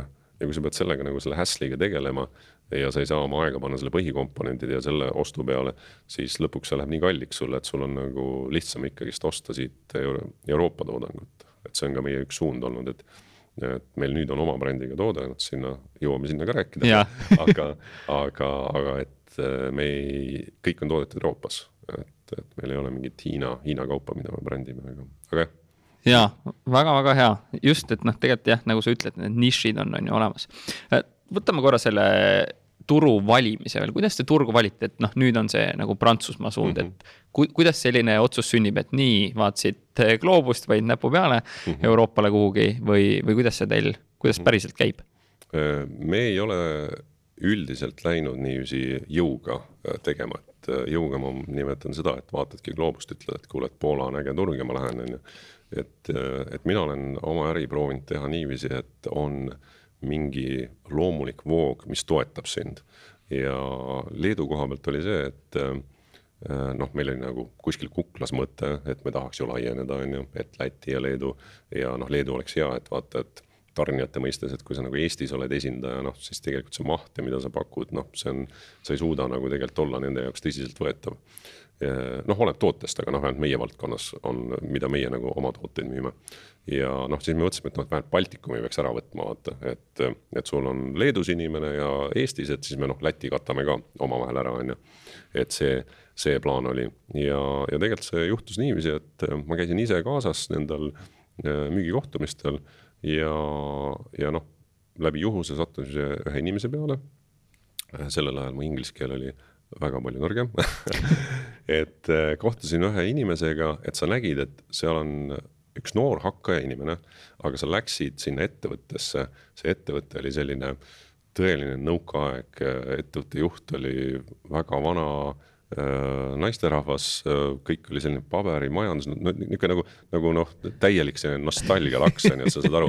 ja sa vaatad, üks mees on selline terav pliiats seal on niisugune tegelane, ta nagu ei sobitu pilti, vaata mm. -hmm. et, et ta ei, see, see ei nagu match'i ja tema räägib sinuga nii puhast inglise keelt, et noh, mul on omal piinlik oma keele pärast, on ju. ja, ja tulime sealt kohtumisest ära ja sõidan ja mõtlen, see vana oleks meile vajalik, vaata, et äh, turul juba sees, teab ja jälle see isiklik personaalne touch, ma võtan temaga ühendust, ütlen, kuule, kas sa tahaksid minuga rääkida, et, et kuula mind ära lihtsalt, mis ma mõtlen. räägin talle oma visioonist, mis ma tahan teha, ütlen talle, tal on väga suured võimalused, et kui ma selle maajuhiks võtan, et me otsime ka nagu partnerit tuleviku mõttes ja nii edasi. et, et see osaluse jagamine ja kõik sellised asjad ja ta oli nõus ja hakkaski pihta ja hakkasime koos pusima ja nüüd ta on siiamaani on meil, meil tööl, et äh, just äh, eelmise aasta lõpus sai tal viisteist aastat äh, Orekis ja tegime talle ilusa kingituse ka ja, ja jah, et, et sealt nagu tegelikult läks liikvele, aga, aga nüüd järgmine asi oli see, et kuidas me Poola sattusime. siis Leedus hakkas asi nagu veerema ja siis me võtsime, otsisime endale müügiinimesi juurde ja tuli kaks kandidaati, mis olid nagu tugevad kandidaadid. aga Leedus on päris tugev selline Poola kogukond, kes räägivad täiesti nagu Poola emakeelt ja et seal on üks, üks piirkond on täiesti nagu nii-öelda poolakad, aga noh, ka leedu keelt räägivad. ja üks kandidaat oli siis, äh, keda me võtsime siis Leedu müügimeheks ja teise mõtlesime, et aga kui ta nii asjalik on, las ta proovib siis Poolat, vaata, et äh, katsetame. ja noh, pusis seal tükk aega, pikka aega oli meil see, et äh, noh, käis muudkui visiitidel, asjadel. aga lõpuks ta sai ühe edasimüüja, ühe suure edasimüüja konksu otsa kes hakkas, kes, kellest sai meie kõige suurem klient üldse. ja, ja sealt nagu läks liikvele, et lihtsalt läbi juhuse meil tuli inimene, kes äh, tundis nagu poola keelt ja me andsime talle võimaluse nagu läbi selle ja, ja noh, ma võin nüüd jä, muudkui jätkata seda, kuidas need riigid nagu lähevad, on ju. aga sealt me Poolaga liikvele läksime, siis me võtsime inimesi juba päris Poola tööle ja, ja, ja noh, see järgmine nagu selline suurem hüpe oli Tšehhi et me noh, selline ambitsioon nagu sellisel väiksel, väiksel ettevõttel ambitsioon teha midagi suurt, on ju, on kogu aeg olnud.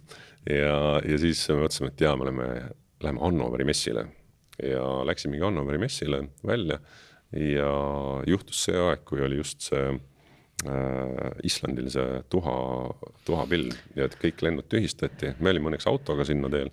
aga noh, mess oli oluliselt, oluliselt õhem, kui ta oleks pidanud olema, on ju. aga sealt messilt me leidsime endale Tšehhi ettevõtte, kes oli huvitatud meid äh, esindama ja hakkaski koostöö pihta, läksid asjad käima, et nemad nagu tundsid huvi ja noh, me leidsime sealt mingeid teisi kontakte ka, aga sellest suuremalt läks nagu nendega käima see äri.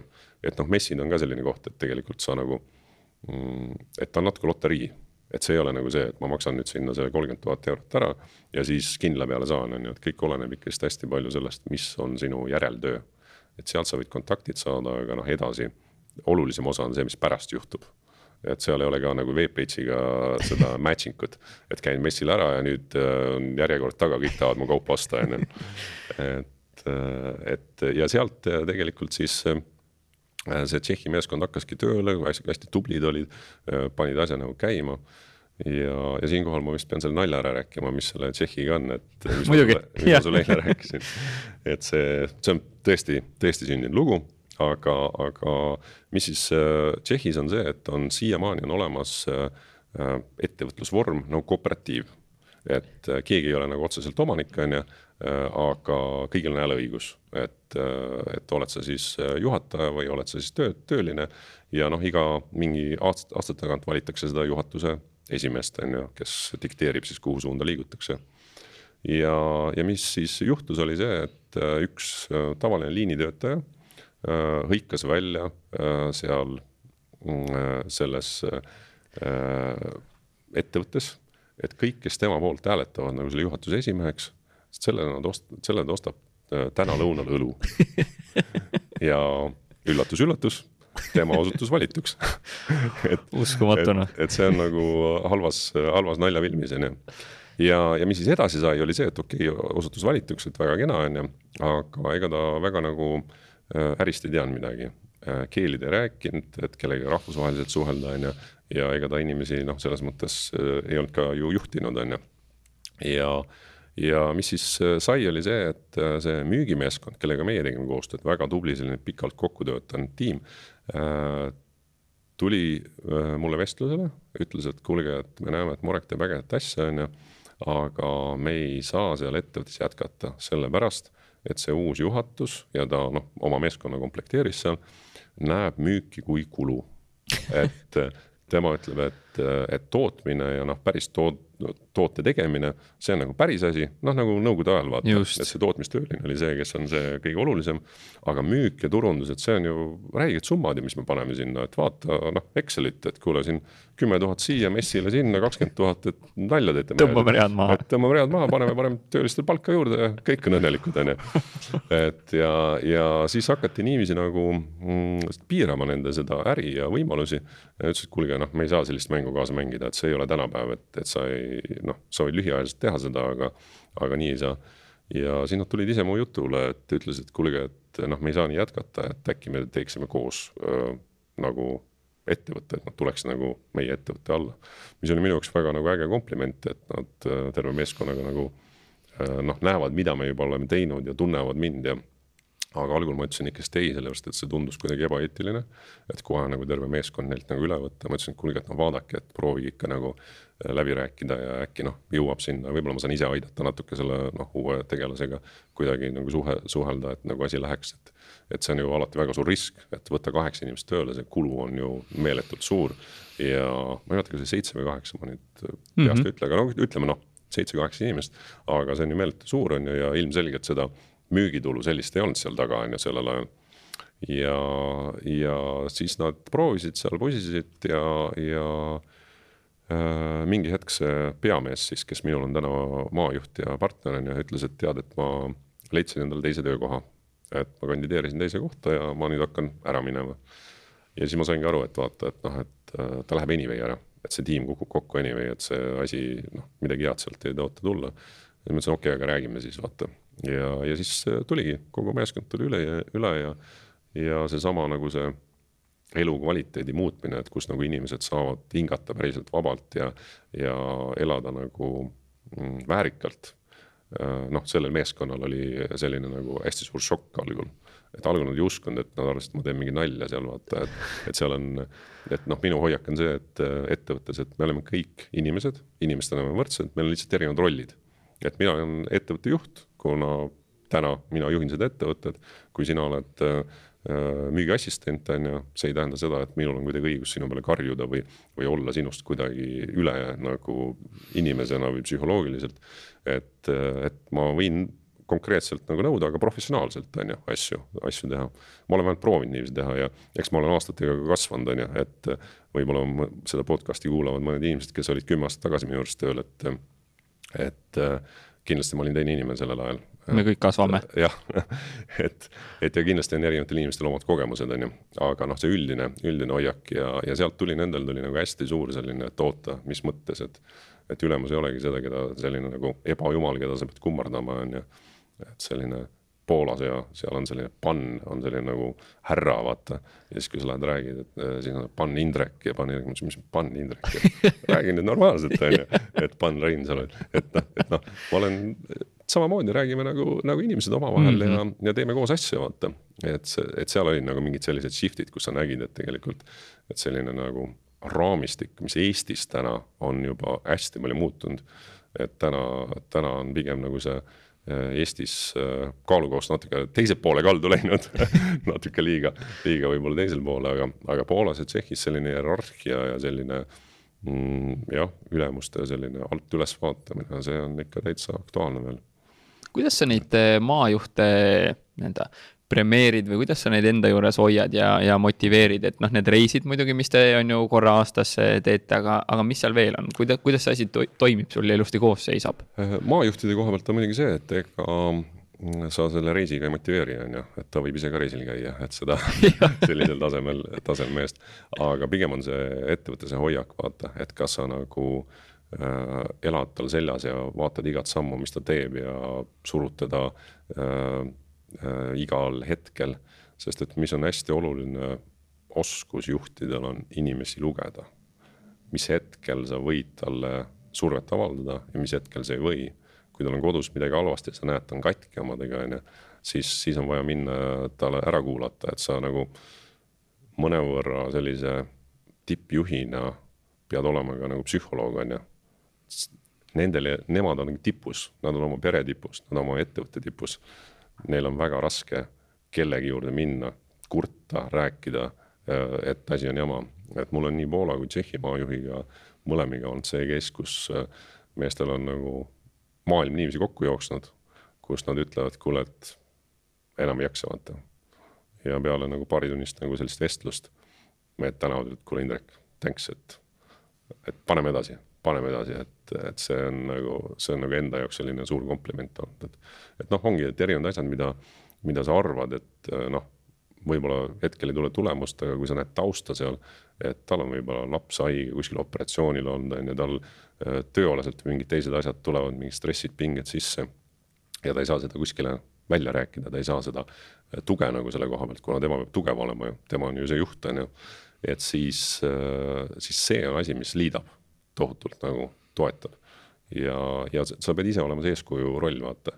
et äh, mina sellesse ei usu, et äh, oled teinud äh, eduka ettevõtte ja siis äh, ma aasta aega ei tööta, vaata, et ma lähen kuskile palmi alla magan ja kõik teevad mulle siin äri ja kõik on nagu hästi. sa pead ikkagist näitama oma käitumisega eeskuju inimestele, et, et kui sa ise ei viitsi nagu tööd teha, miks sa arvad, et teised peaksid viitsima mm -hmm. nagu, et, et jah, see on kas sa oled neile andnud ka osalusi, kas läbi selle äh,, ma ei tea mm, -hmm. kuidas su mõttelaad käis, et kas anda neile, miks anda, kui suur see osalus on või noh mm -hmm., mingit suurusjärku?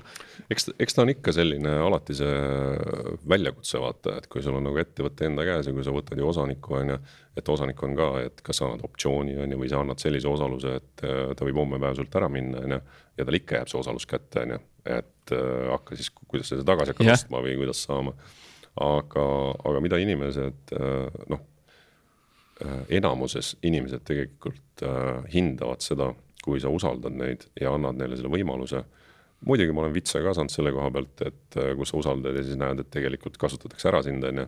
et noh, Lätiga me saime, saime kõvasti vitsa, kus võtsid ühe maajuhi tööle, vaatasid, et ainult kulu on, et, et kui ma oleks tasuta tooteid ära andnud sama raha eest, mille, mis tema palgakulu oli, oleks ma müüki sada korda rohkem teinud, on ju, et, et noh, et see, et need reaalsused olid seal, et, et noh, Läti koha pealt näiteks ma pean siin ütlema, et meie Läti maajuht on Armin Aramaa, on ju, et kes on tegelikult pool eestlane, pool lätlane. et me tegelikult Lätti ei saanudki Läti inimest, kes, kes päriselt nagu toimetab ja kes ei tee samal ajal mingit teist äri. Kui, kui ta on sulle, kui ta on sulle nagu palgale võetud, on ju, et see on hästi nagu see mm, ja, ja näiteks selline nagu hoiakute mõttes, näiteks Tšehhis on inimesed, kellega ma olen kokku puutunud, on väga kohusetundlikud ja näiteks seal ei ole selline asi nagu üldse kuidagi ühiskonnas kuidagi aktsepteeritud või mõeldav et ma olen kellelgi nagu agendina tööl, vähemalt minu kogemus on see, on ju. ja, ja nüüd ma teen veel omal mingit seitset äriasja siin kõrval, on ju, et las see tiksub, on ju. aga näiteks äh, siinpool on ju, on see juba, juba noh, esineb nagu rohkem, on ju. et see põhitöö on selline asi, mille eest ma saan selle kuutasu on ju kätte ja teen seal natuke asju ära. aga siis nagu selline noh, raha teenin veel kuskilt kõrvalt on ju et siis, et siis seda, seda nagu seal ei ole aga, mis see küsimus oli? see osal-, osaluse ah, osa, teema. osaluste teema ja osaluste teema on ikkagist olnud see, et mis ma olen ise tundnud, et äh, esimesed osalused ma kinkisin äh, Leedu maajuhile, et kes äh,, kellele, tal sai kümme aastat äh, Morekis töötates ja, ja ma noh, jah, ja siis ma ütlesin talle, et näed, et, et siin on kümme protsenti osalust ka sulle ja, ja ongi see teema, et kuidas sa väärtustad seda, et keegi on oma eluajast sulle kümme aastat nii-öelda siia ettevõttesse panustanud, on ju.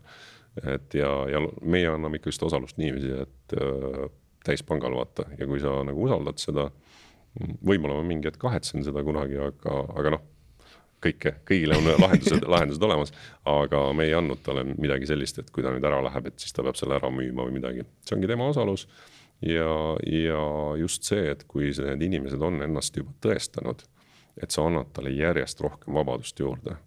et see on asi, mis tegelikult motiveerib inimesi. et äh, loomulikult, kui nad alustavad, sa pead ikkagist olema hands-on ja väga konkreetsed piirid peavad ees olema, mida tohib teha, mida ei tohi teha. sa pead jälgima ja tegema ka otsuseid, et võib-olla, äh, võib-olla alguses ka sellest äh, kohast, et mis auto ta ostab ja mis telefoni ta ostab ja nii edasi, on ju aga kui sa saad tast juba paremini aru, et mida ja kuidas ta teeb, on ju, et siis sa annad talle kogu aeg seda vabadust juurde. et ütled talle, kuule, otsusta ise vaata see asi ära, et, et ja, ja lõpuks ütled, kuule, et aga, aga ongi sinu mängumaa, vaata.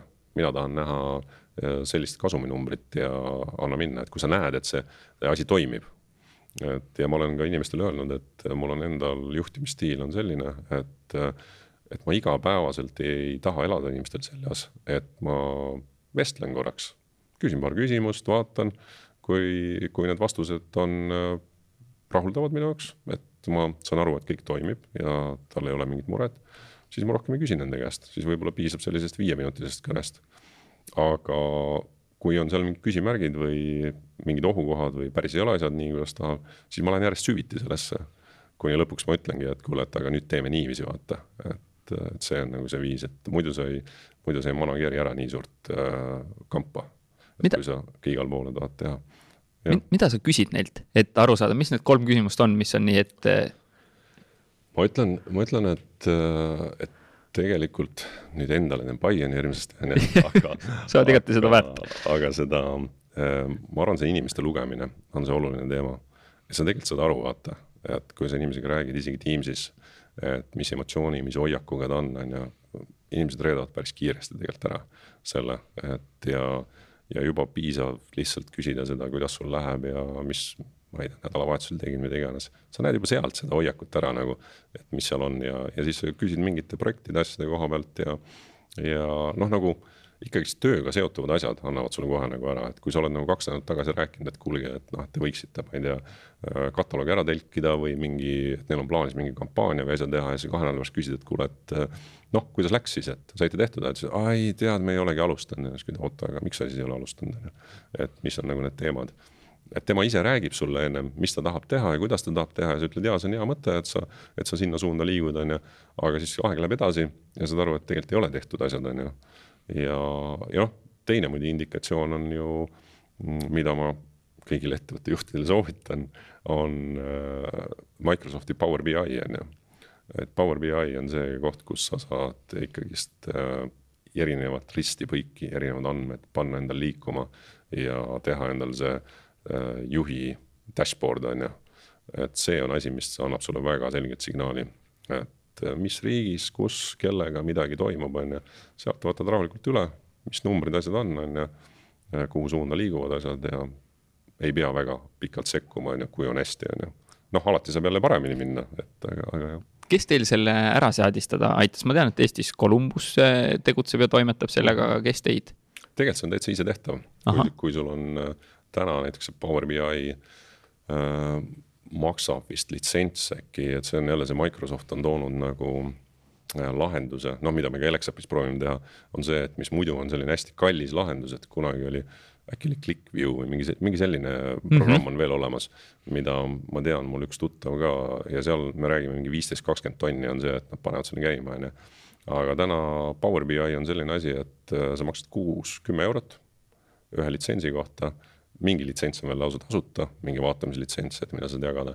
ja kui sa natukene selles IT Exceli maailmas nagu, et äh, toimetada oskad, siis sa tegelikult saad selle ise panna endale käima. nii, nii kuidas tahad, et äh, või vähemalt keegi näitab sulle ära siis selle, et ta on suht selline plug and play lahendus, aga meil on olemas oma inimene, kes ei olnud sellega varem kokku puutunud, aga jällegi videoid on ju tohutult. ja Youtube on täis on ju.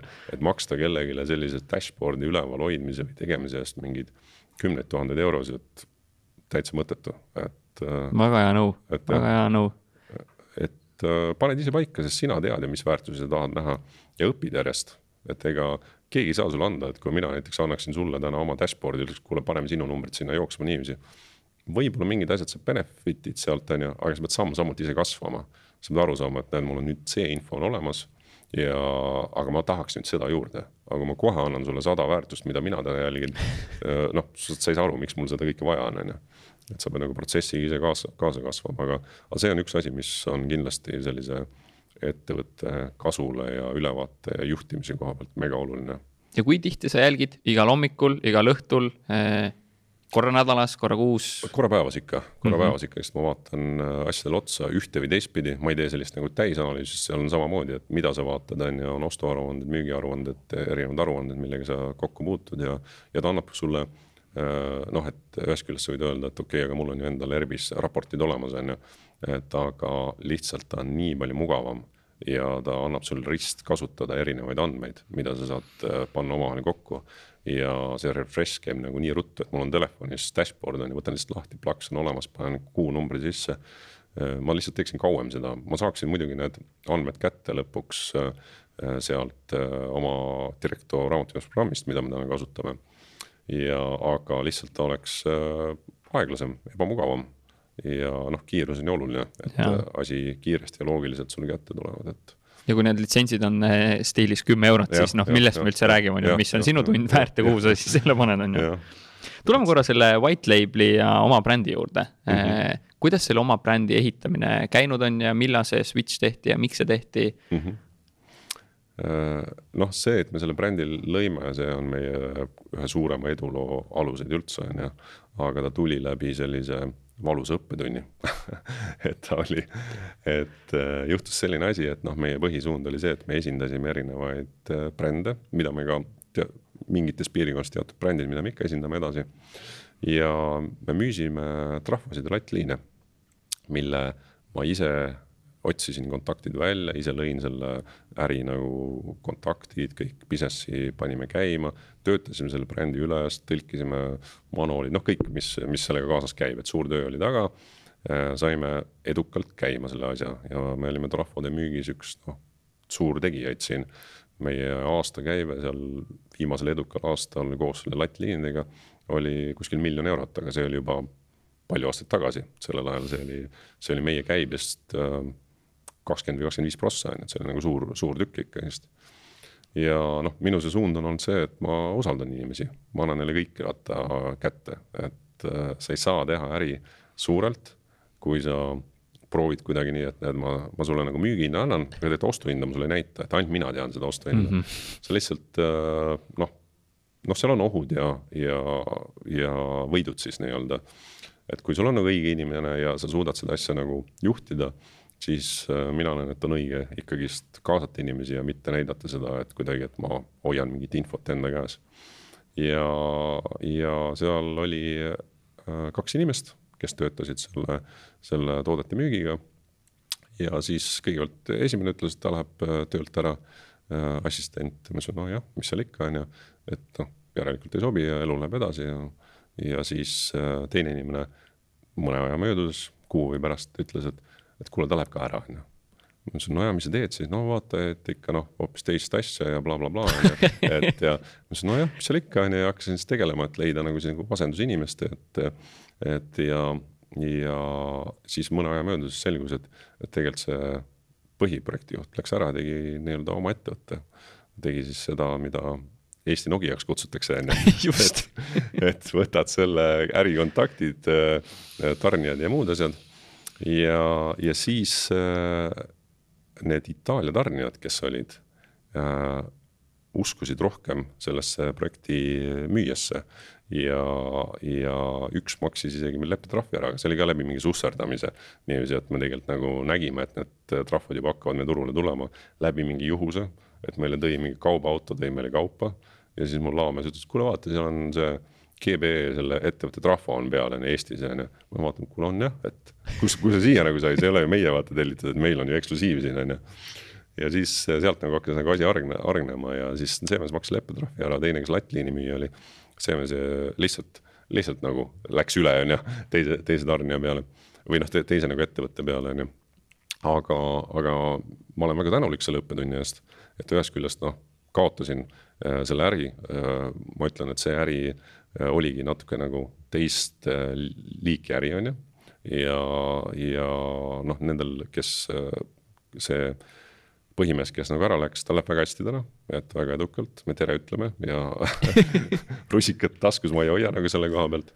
et, et ta oma asja ajab, ma arvan, väga hästi, väga tublisti aga lihtsalt see selline nagu lähenemine ei ole nagu noh, minu nagu ärimaailmas ei ole nagu eetiline, et sa, et sa võid ära minna. sa võid isegi ju samadele klientidele pakkuda, aga noh, ära võta nagu samu tooteid päris nagu kaasa on ju ja samu tarnijaid on ju, et, et noh, see. seda, seda nagu esineb ja, aga sealt kohast mul nagu plahvatas endal, mõtlesin, et kuule, et noh, me oleme nii palju tööd teinud, asja üles ehitanud, on ju. mis juhtub siis, kui meil need teised tooted, et see seitsekümmend viis protsenti käibest keegi teine jälle võtab üle, vaata, et et äh, noh, siis sa oled üldse käpuli, on ju. ja sealt kasvaski see mõte välja, et kuule, et aga me peame oma brändi tegema. ja meil õnnestus veenda siis neid äh, tarnijaid, et äh, nad hakkavad meie brändiga tarnima. et seal oli ka jälle selliste juhuste kokkusattumused, me olime müünud nende ühe Soome, noh, kes meie põhitarnija on seal, tema tooteid Saksamaale ja üks Saksa ettevõte, kes oli ka nagu tootja nagu oma brändi all, müüs seda edasi. seal see äri järjest kasvas, on ju ja siis äh, see Soome ettevõte äh, tahtis teha vangerdust, et meid nagu välja lõigata, aga tema oli nagu džentelmen, ta tuli minu juurde ja ütles, et kuule, et äh, mis tingimustel ma selle üle saan võtta, on ju. ta maksis meile täitsa korraliku summa, vist aasta marginaali maksis ära nagu sinna. ja, ja see andis nagu ka võimaluse selle läbirääkimise koha seal, kus, kus me saime nagu oma brändi alla need tooted panna. ja, ja sealt me läksime nagu päris tublisti lendu. et mul kogu selle brändi ja kogu sellise nagu lähenemise värvid, et äh, selline mees nagu Rauno Palm, Palm oli mul turunduse peal. Äh, ta läks mu juurest sellepärast ära, et me Morekega jõudsime mingi aeg sellisesse kohta, kus meil ei olnud enam sellist nagu seda asja üles ehitada, ta oli selles ülesehitamises üli, üli nagu tasemel ja hea nagu et ma tean, et ta just praegu on selline freelancer'ina äh, kätt harjutamas, äh, tegemas, et, et kui keegi tahab äh, brändi üles ehitada või midagi sellist, siis ma arvan, et ta oleks mees, kellega tasub, tasub ühendust võtta. väga hea soovitus, väga hea soovitus. et aga, aga tema, tema oli tegelikult üks selline koostöös arhitekt nagu, kellega me selle asja nagu panime ja kõik see visuaal ja sõnum ja kuidas nagu tuua ja ja aitas nagu väga palju meil selle asja käima. ja noh, mingi hetk me läksime sõbralikult äh, laiali lihtsalt, et äh, ta ütles ta, või noh, me nägime, et selline tehniline igapäevane äh, müügi turundamine, noh, ei olnud see, mida, mida, mis talle nagu sobis sellel hetkel. aga, aga sealt, kui me selle brändiga läksime, siis hakkasid nagu uksed avanema, vaata, siis on see, et väga suur vahe on sellel, kas sul tuleb müügimees, kes ütleb tere, ma olen ettevõttest Morek, ma müün näiteks Siemensi asju, on ju okei okay,, järelikult sa oled vahendaja, on ju, mhm. järelikult sa ei ole ju Siemens ju. aga see mõttemaailm on kõigil see, et ma tahan ju otse saada. järelikult, kui ma saan otse tootja käest, siis see on ju soodsam ja parem, kuigi see võib täitsa erinev olla. et äh, noh, nagu meie case on tegelikult, tegelikult meil äh, see äh, toodang, mida me nagu brand label'i alla paneme, et meie maht on niivõrd suur et kui kogu Eesti need tarbijad nagu tarbiksid sedasama brändi, mida, mida meie nagu seda toodangut, nad ei jõuaks vist isegi kümne protsendi meie selle mahuni, on ju, mis, mis meie täna nagu läbi laseme endale, on ju. et noh, ilmselgelt meie ostutingimused, hinnad on hoopis teised kui see, et see iga ettevõte läheb ise selle tootjaga nagu läbi rääkima, on ju. et, et jah, et see mul läks mõte läinud korraks ära. see on see, et see... müügimees läks siis ikkagi oma brändi toodetega ja neid võeti just, oluliselt just, tõsisemalt, on ju. see on äh, väga kõva sõna, on see, et sa lähed, esindad, näed, minul on siin Moreki tooted ja mina ise olen Moreki töötaja ja, ja see muutis maailma, et see nagu muutis väga palju sellist nagu lähenemist. ja me pakkusime lahendust, et sul ei olnud enne, ennem oli seesama kataloog, mis meil oli, oli võib-olla mingi kümme erinevat mingit kataloogi, et kuule siit kataloogist seda toodet. see, need top runner'id, siin on need top runner'id, siis on lõpuks sul terve hunnik mingi asju laua peal ja koodid, süsteemid, kirjeldused, kõik on erinev, noh jälle jõuame sinna Alexapi pointi, seal see mm -hmm. ühtne lähenemine on ju. et sul on nagu lihtne orienteeruda seal ja me pakumegi nagu seda lahendust, et meil on see tarvikute lahendus mida muidu sa peaks võib-olla kümnelt erinevat ettevõtet ostma, meil on kõik ühes kohas koos, on ju. ja, ja see nagu meeldis ja sealt meil tulid ka need edasimüüjad ja kõik need võimalused, on ju. et, et tahetakse sinu brändi esindada.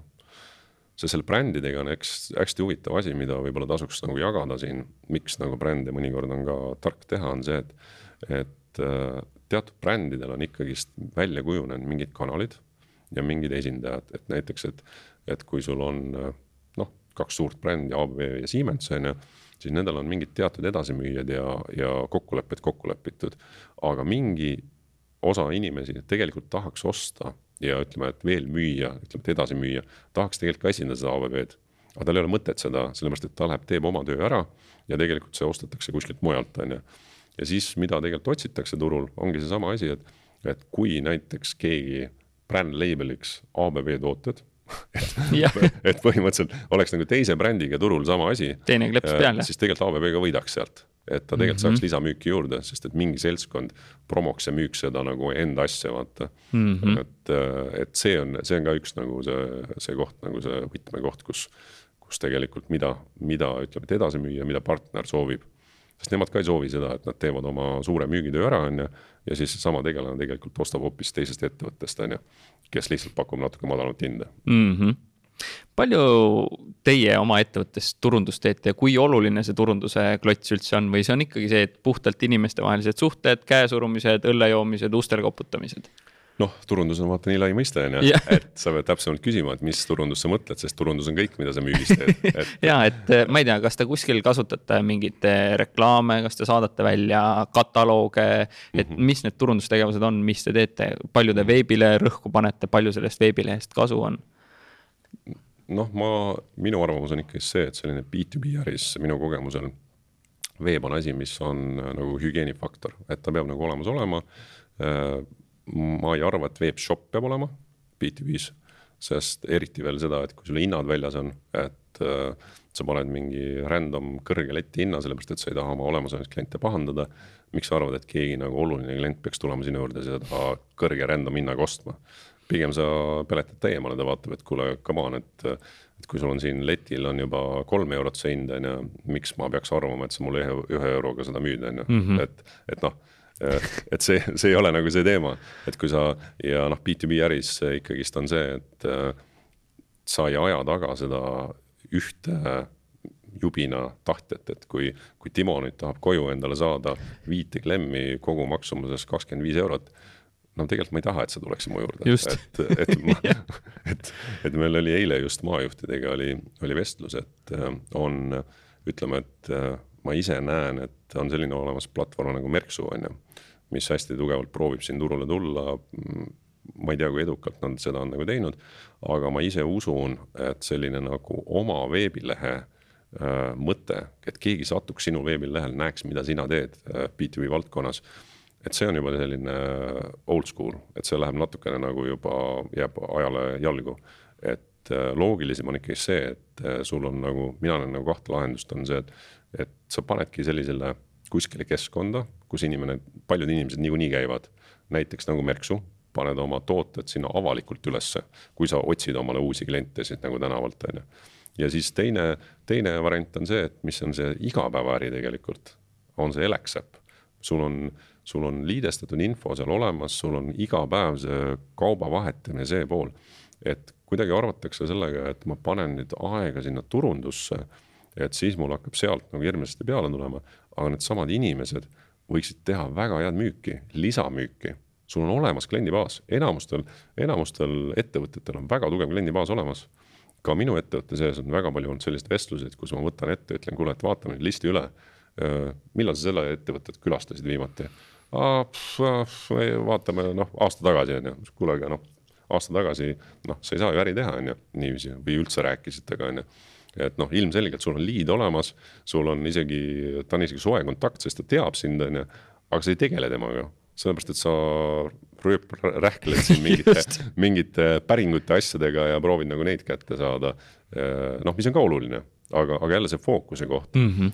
et kas ma panen nagu, kas ma panen enda äh, kaheksakümmend protsenti aega äh, võtmeklientide lahendamiseks või ma panen see kaheksakümmend protsenti aega äh, nende väikeste asjade lahendamiseks, aga üldiselt mulle tundub, et äh, valdav enamus tegeleb just sellega, et, et enamus tegeleb nende väikeste päringutega, millele sa tegelikult lõppkokkuvõttes võib-olla maksad peale. et sa ei saa sellest loobuda, see on loogiline, sa ei saa ütelda sellele Äh, hulgale klientidele, et kuule, et, et sa tahad siin viiekümne eurost asja saada, et tead, ma ei viitsi sinuga tegeleda, sest seesama klient võib sul järgmine päev tulla ja ma tahan viie tuhande eurost saada, on ju.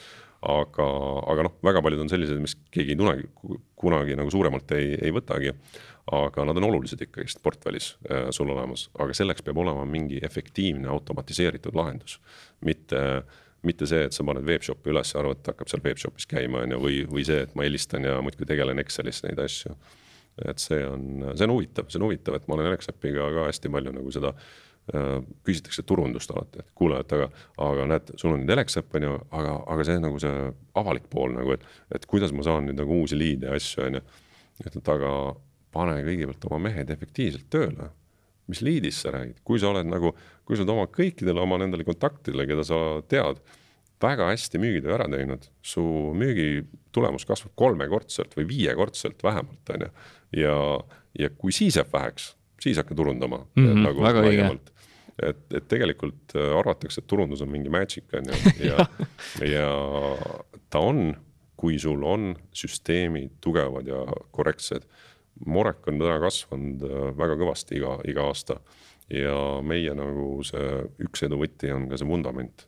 Meil on väga konkreetsed süsteemid, automatiseeritud lahendused äh,, arvete käsitlemised, arvete automaatsed saatmised, kõik see pool on paigas, et sa ei pea selleks inimesi palkama, et äh, kes sul lihtsalt teevad mingit sellist nagu tühja tööd nii-öelda, noh, ta ei ole tühi töö selles mõttes, ta tekitab sul väärtust, aga, aga ta ei ole töö, mida, mida inimene tegelikult väga meeleldi teeb. Kõik tahavad teha midagi olulist ja tähtsat, mitte seda, et vajutan kogu aeg samu nuppe järjest, et lihtsalt kinnitada mingit arvet, sellepärast et meil on selline programm, mis niiviisi teeb.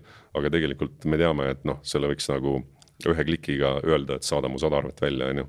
et, et seda, seda poolt on tegelikult, mis on vähe ja mis siis tehakse, on see, et tegelikult pakud, palgatakse turundusettevõtted, pannakse tohutult äh, raha turundusse, kuna arvatakse, et sealt tulevad mingid toredad äh, liidid ja äh, kas ma tulistan liiga? ei, ei, kõik on väga hea, see on nagu nii hea kontseptsioon, mis ja, nagu tuleb. aga, aga mida ma, mida ma nagu ise, ise näen, on see, et minu enda kogemus just, ma sulle eile rääkisin ka. On see, et äh, käid ka messil, saad kokku mingi sellise potentsiaalse tootjaga, räägib sinuga jutud ära, on ju ja sa räägid talle täpselt ära, mida sa tahad, mis tooteid, äh, tee mulle õige pakkumine nendele toodetele ja noh, ära jama, et ma, ma olen siin turul kaua olnud, et, et tee asjad ära. ja mis siis juhtub, on see, et nädala pärast tuleb sulle kiri, tuleb mingi sekretär, saadab sulle kirja, aitäh, et sa külastasid meid messil. kui sul on mingeid päringuid või soove, saada siis meile kiri, siis sul on nagu, et kuulge ma just rääkisin. ma rääkisin sinuga tund aega juttu, seletasin sulle, kes ma olen, miks ma olen, mida ma tahan saada. ja sa ütled mulle, et ma hakkan seda kõike meilidel uuesti tegema. ei, aitäh, ei, ei soovi. et tegelikult on, mis, mida ma näen ja see on valdavalt, on hästi suur probleem, on kommunikatsioon ja, ja seesama, see kliendiga suhtlemine, et meil on rahvusvahelised, vahet pole, sa räägid Soomes, Saksa, Türgi, mida iganes ettevõtted enamustel on probleem see, et see normaalne suhtlus, noh. et sa räägid temaga, ütled, et kuule, ma tahan sellist asja, niiviisi tahan teha, on ju, ja, ja lähevad suusad risti seal, et. et äh, paljudes kohtades ongi olnud see, et, et äh, mul on inimesed, kes ostuga nagu tegelevad. aga mina olen siis see mees, kes äh, peab vahepeal sekkuma mõnikord, kui nad hakkavad üksteist mööda rääkima üks küsib, et ma tahan äh, rohelist õuna, teine ütleb, palun siin on punane õun, onju. Mhm. ei, ei, ma tahan rohelist õuna. ei, ei võta, võta, näed, tahad ju, näed, punane õun on siin. ja siis nad räägivad ja siis ma, siis ma võtan uuesti laua taha, ma olen, kuulge, see mees tahab rohelist õuna, sina pakud punast õuna nii ei lähe lepime kokku mm, -hmm. mis siis saab, on ju.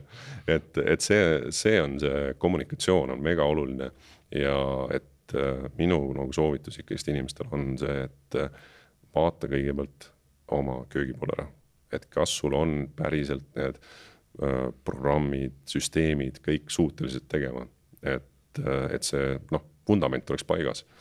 ja, ja siis, kui lähed ja, ja kas sul on inimesed, kes äh, oskavad süstemaatiliselt vast, vastata ja tegeleda selle asjaga. et, et ei tasu eeldada, et turundus on mingi imemasin, et ma panen sinna ma ei, ma ei tea, mingi raha sisse ja nüüd hakkab nagu noh järjest tellimusi tulema ja mina muudkui täidan neid, et lihtsalt saadan arved välja ja raha tuleb nii kui mühinal, et turundus on ikkagist väga lai mõiste. turundusel on erinevaid äh, leveleid ja, ja selline äh, internetis seo-dega uute päris liidide, noh, päriselt, kes nagu mm -hmm. suurt äri teevad nagu B2B-s on ju, nende kättesaamine, see on juba selline peentehnoloogia, peenhäälestus, et jah, et pigem ongi nagu vaata kõigepealt enda sinna kliendibaasi sisse, nagu sa ütlesid, ja teisalt ka Indrek Põldvee, kes on siin käinud, et võib-olla on mõistlik seda päris äri otsida hoopis LinkedIn'i kaudu.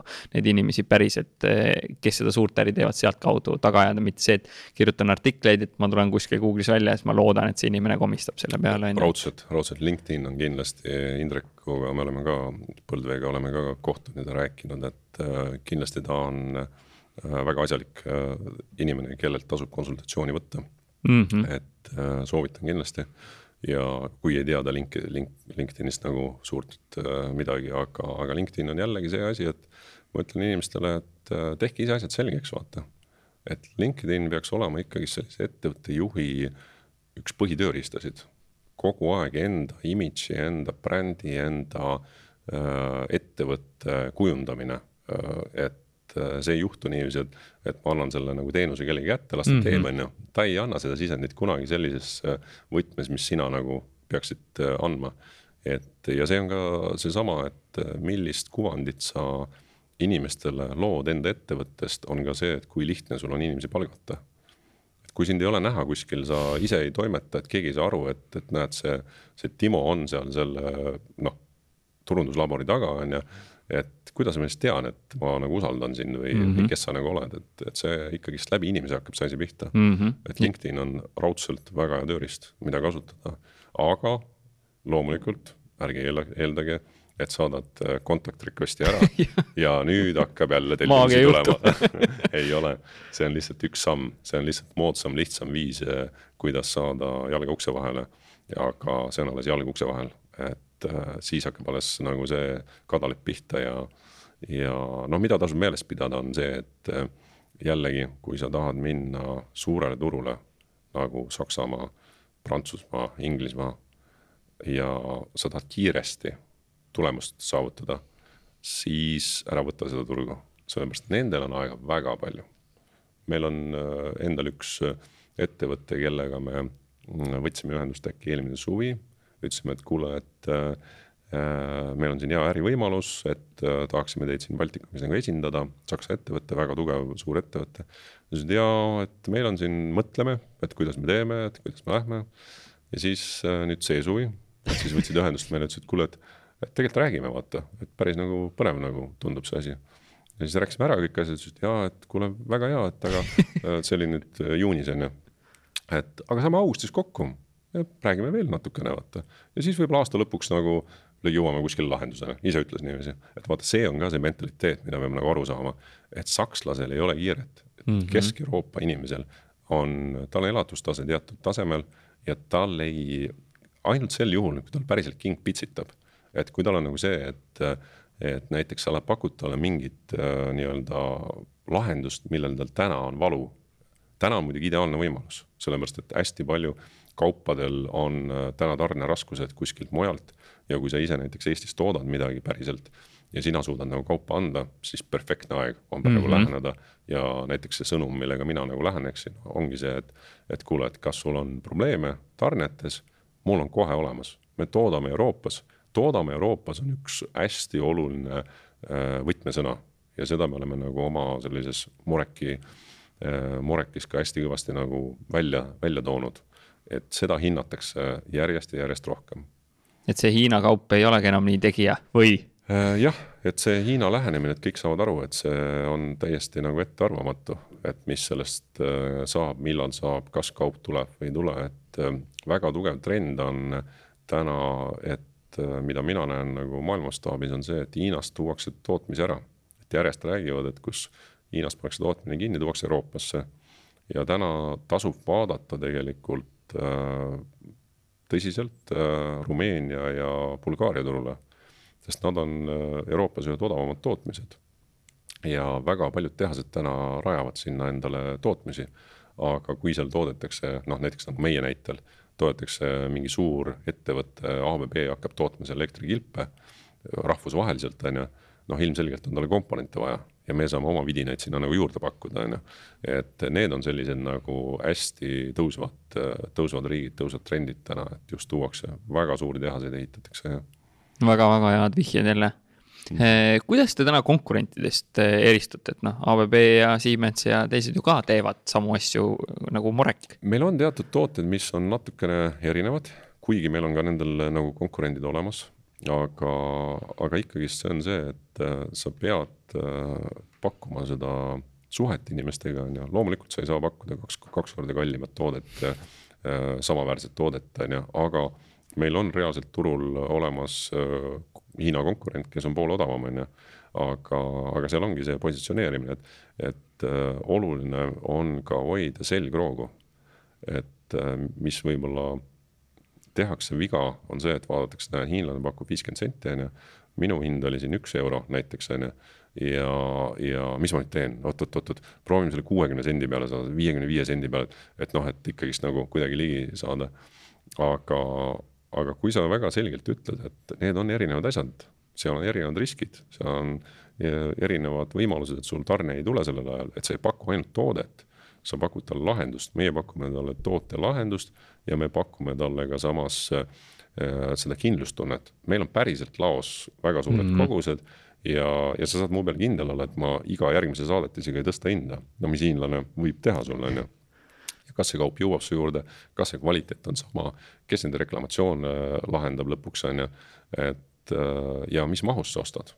et selle Hiina kaubaga on ka, mul Eestist on hea, hea näide olnud, et, et äh, küsiti ühte mingit mõttetut ilulilu-klemmi, maksab äh,, äkki meie hind oli, oli, pakkusime talle äkki mingi üheksakümmend senti näiteks, noh, küsis viiskümmend tükki ja pärast äh, müügimees helistas talle mingi nädala või kahe pärast, onju, et kuule, kuidas läheb, et noh, sul ei vaja vaata kiiresti viiskümmend tükki, et näen, et sul on nagu vaja. et äh, siis äh, mis sai sellest, ütles, et tead, ma tellisin Hiinast. Tõesti, viiskümmend tükki või? ei, ma tellisin kolm tuhat tükki. ma ütlesin, okei okay,, come on, et kui sa minu käest ka küsid kolm tuhat tükki, sa saaks ka selle teise hinna. ja point oligi selles, et tegelikult meie suutsime talle paremat hinda pakkuda, kui hiinlane suutis. et äh, aga lihtsalt mõnikord äh, ostjad vaatavad sellest vaatevinklist, et okei okay,, ma ostan Hiinast, aga ta läheb hoopis teise kogusega peale, on ju. kui sa Euroopast ka lähed, ütled, et ma ostan sult konteineritäie mingit kaupa, ilmselgelt sa saad teised tingimused.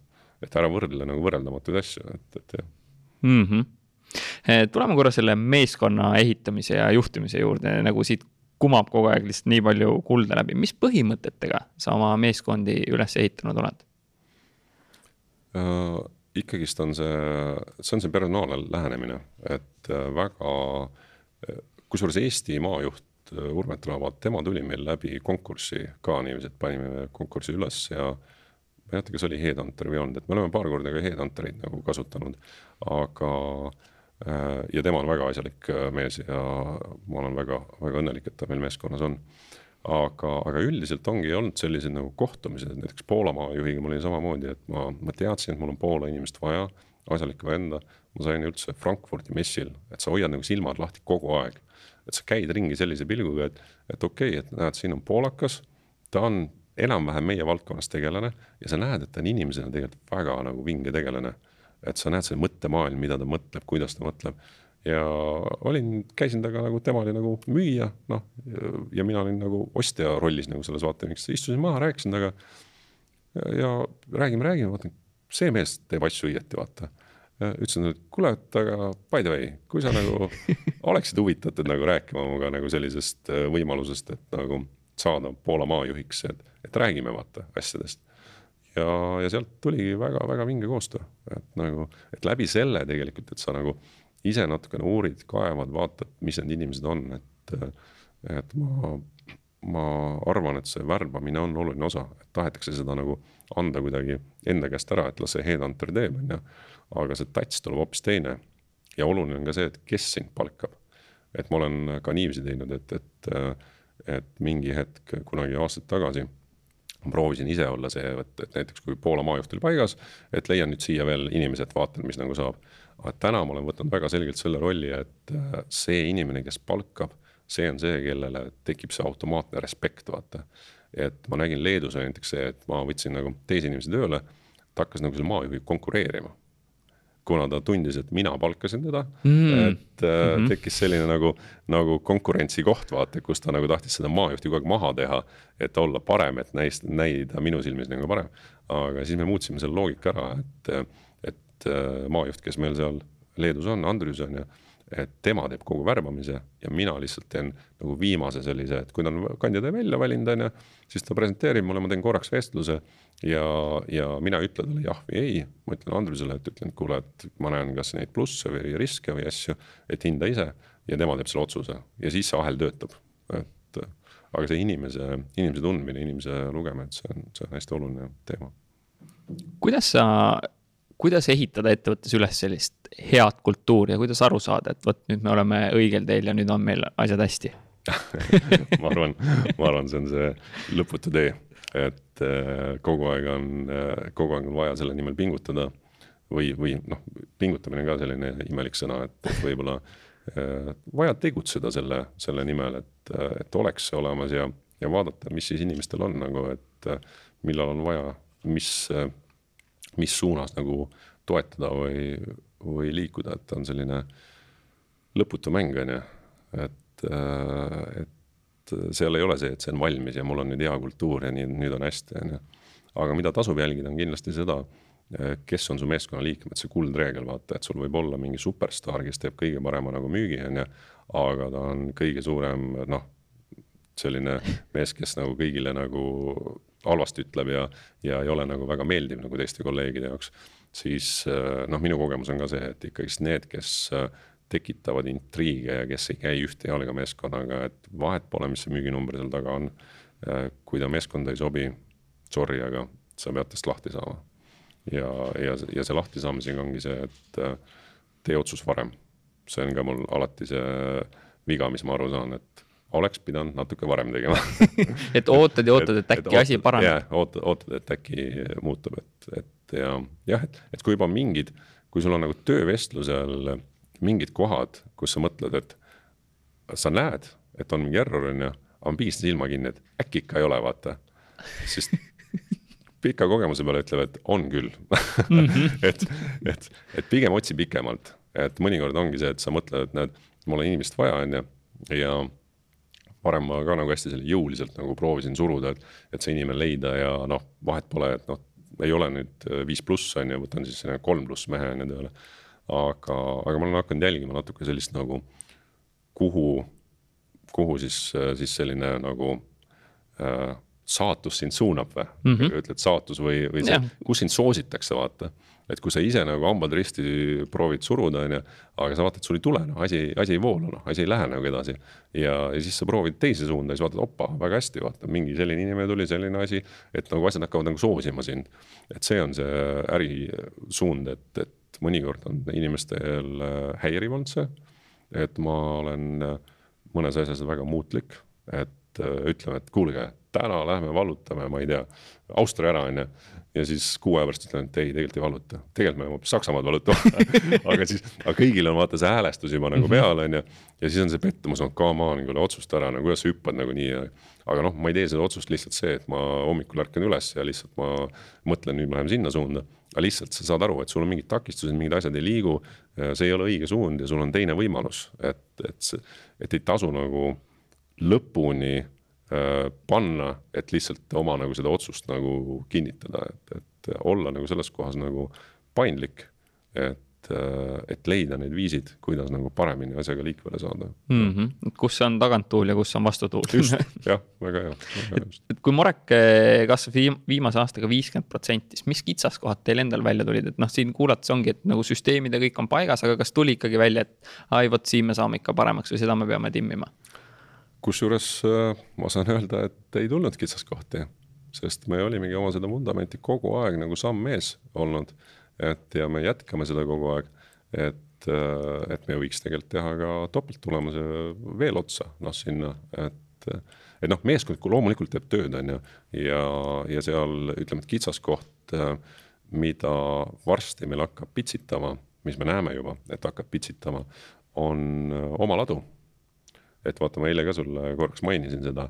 just, laosüsteemid on ka teema ja. laosüsteemid, et äh, meil äh, oli varasemalt Eestis ka oma ladu äh,. see oli juba palju aastaid tagasi, meil oli kolm inimest seal tööl täiskohaga, laorent, kusjuures see laorent oli veel väga mõistlik seal ja, meil see kogukulu ikkagist oli selline kaheksa tuhat kolmsada umbes, me arvutasime kokku, oli selline lao, laokulu. ja, ja siis Äh, me läksime SEB kasvuprogrammi ja seal ma sain kokku ühe väga huvitava inimesega, on Martin Koort Tool Marketingist, tervitan ja tema rääkis, et äh, tema teeb äh, sellel ajal, ta tegi Eestis juba suuremat äri või umbes sama suurt äri kui meie. ja temal on selline logistikapartner nagu CFS, et ta väga otsis, on ju, aga leidis sellise ettevõtte, et vaadake, kui keegi tahab endale laoteenust, siis CFS on üli, ülivinged tegelased ja väga nagu hästi on oma, oma asju teinud.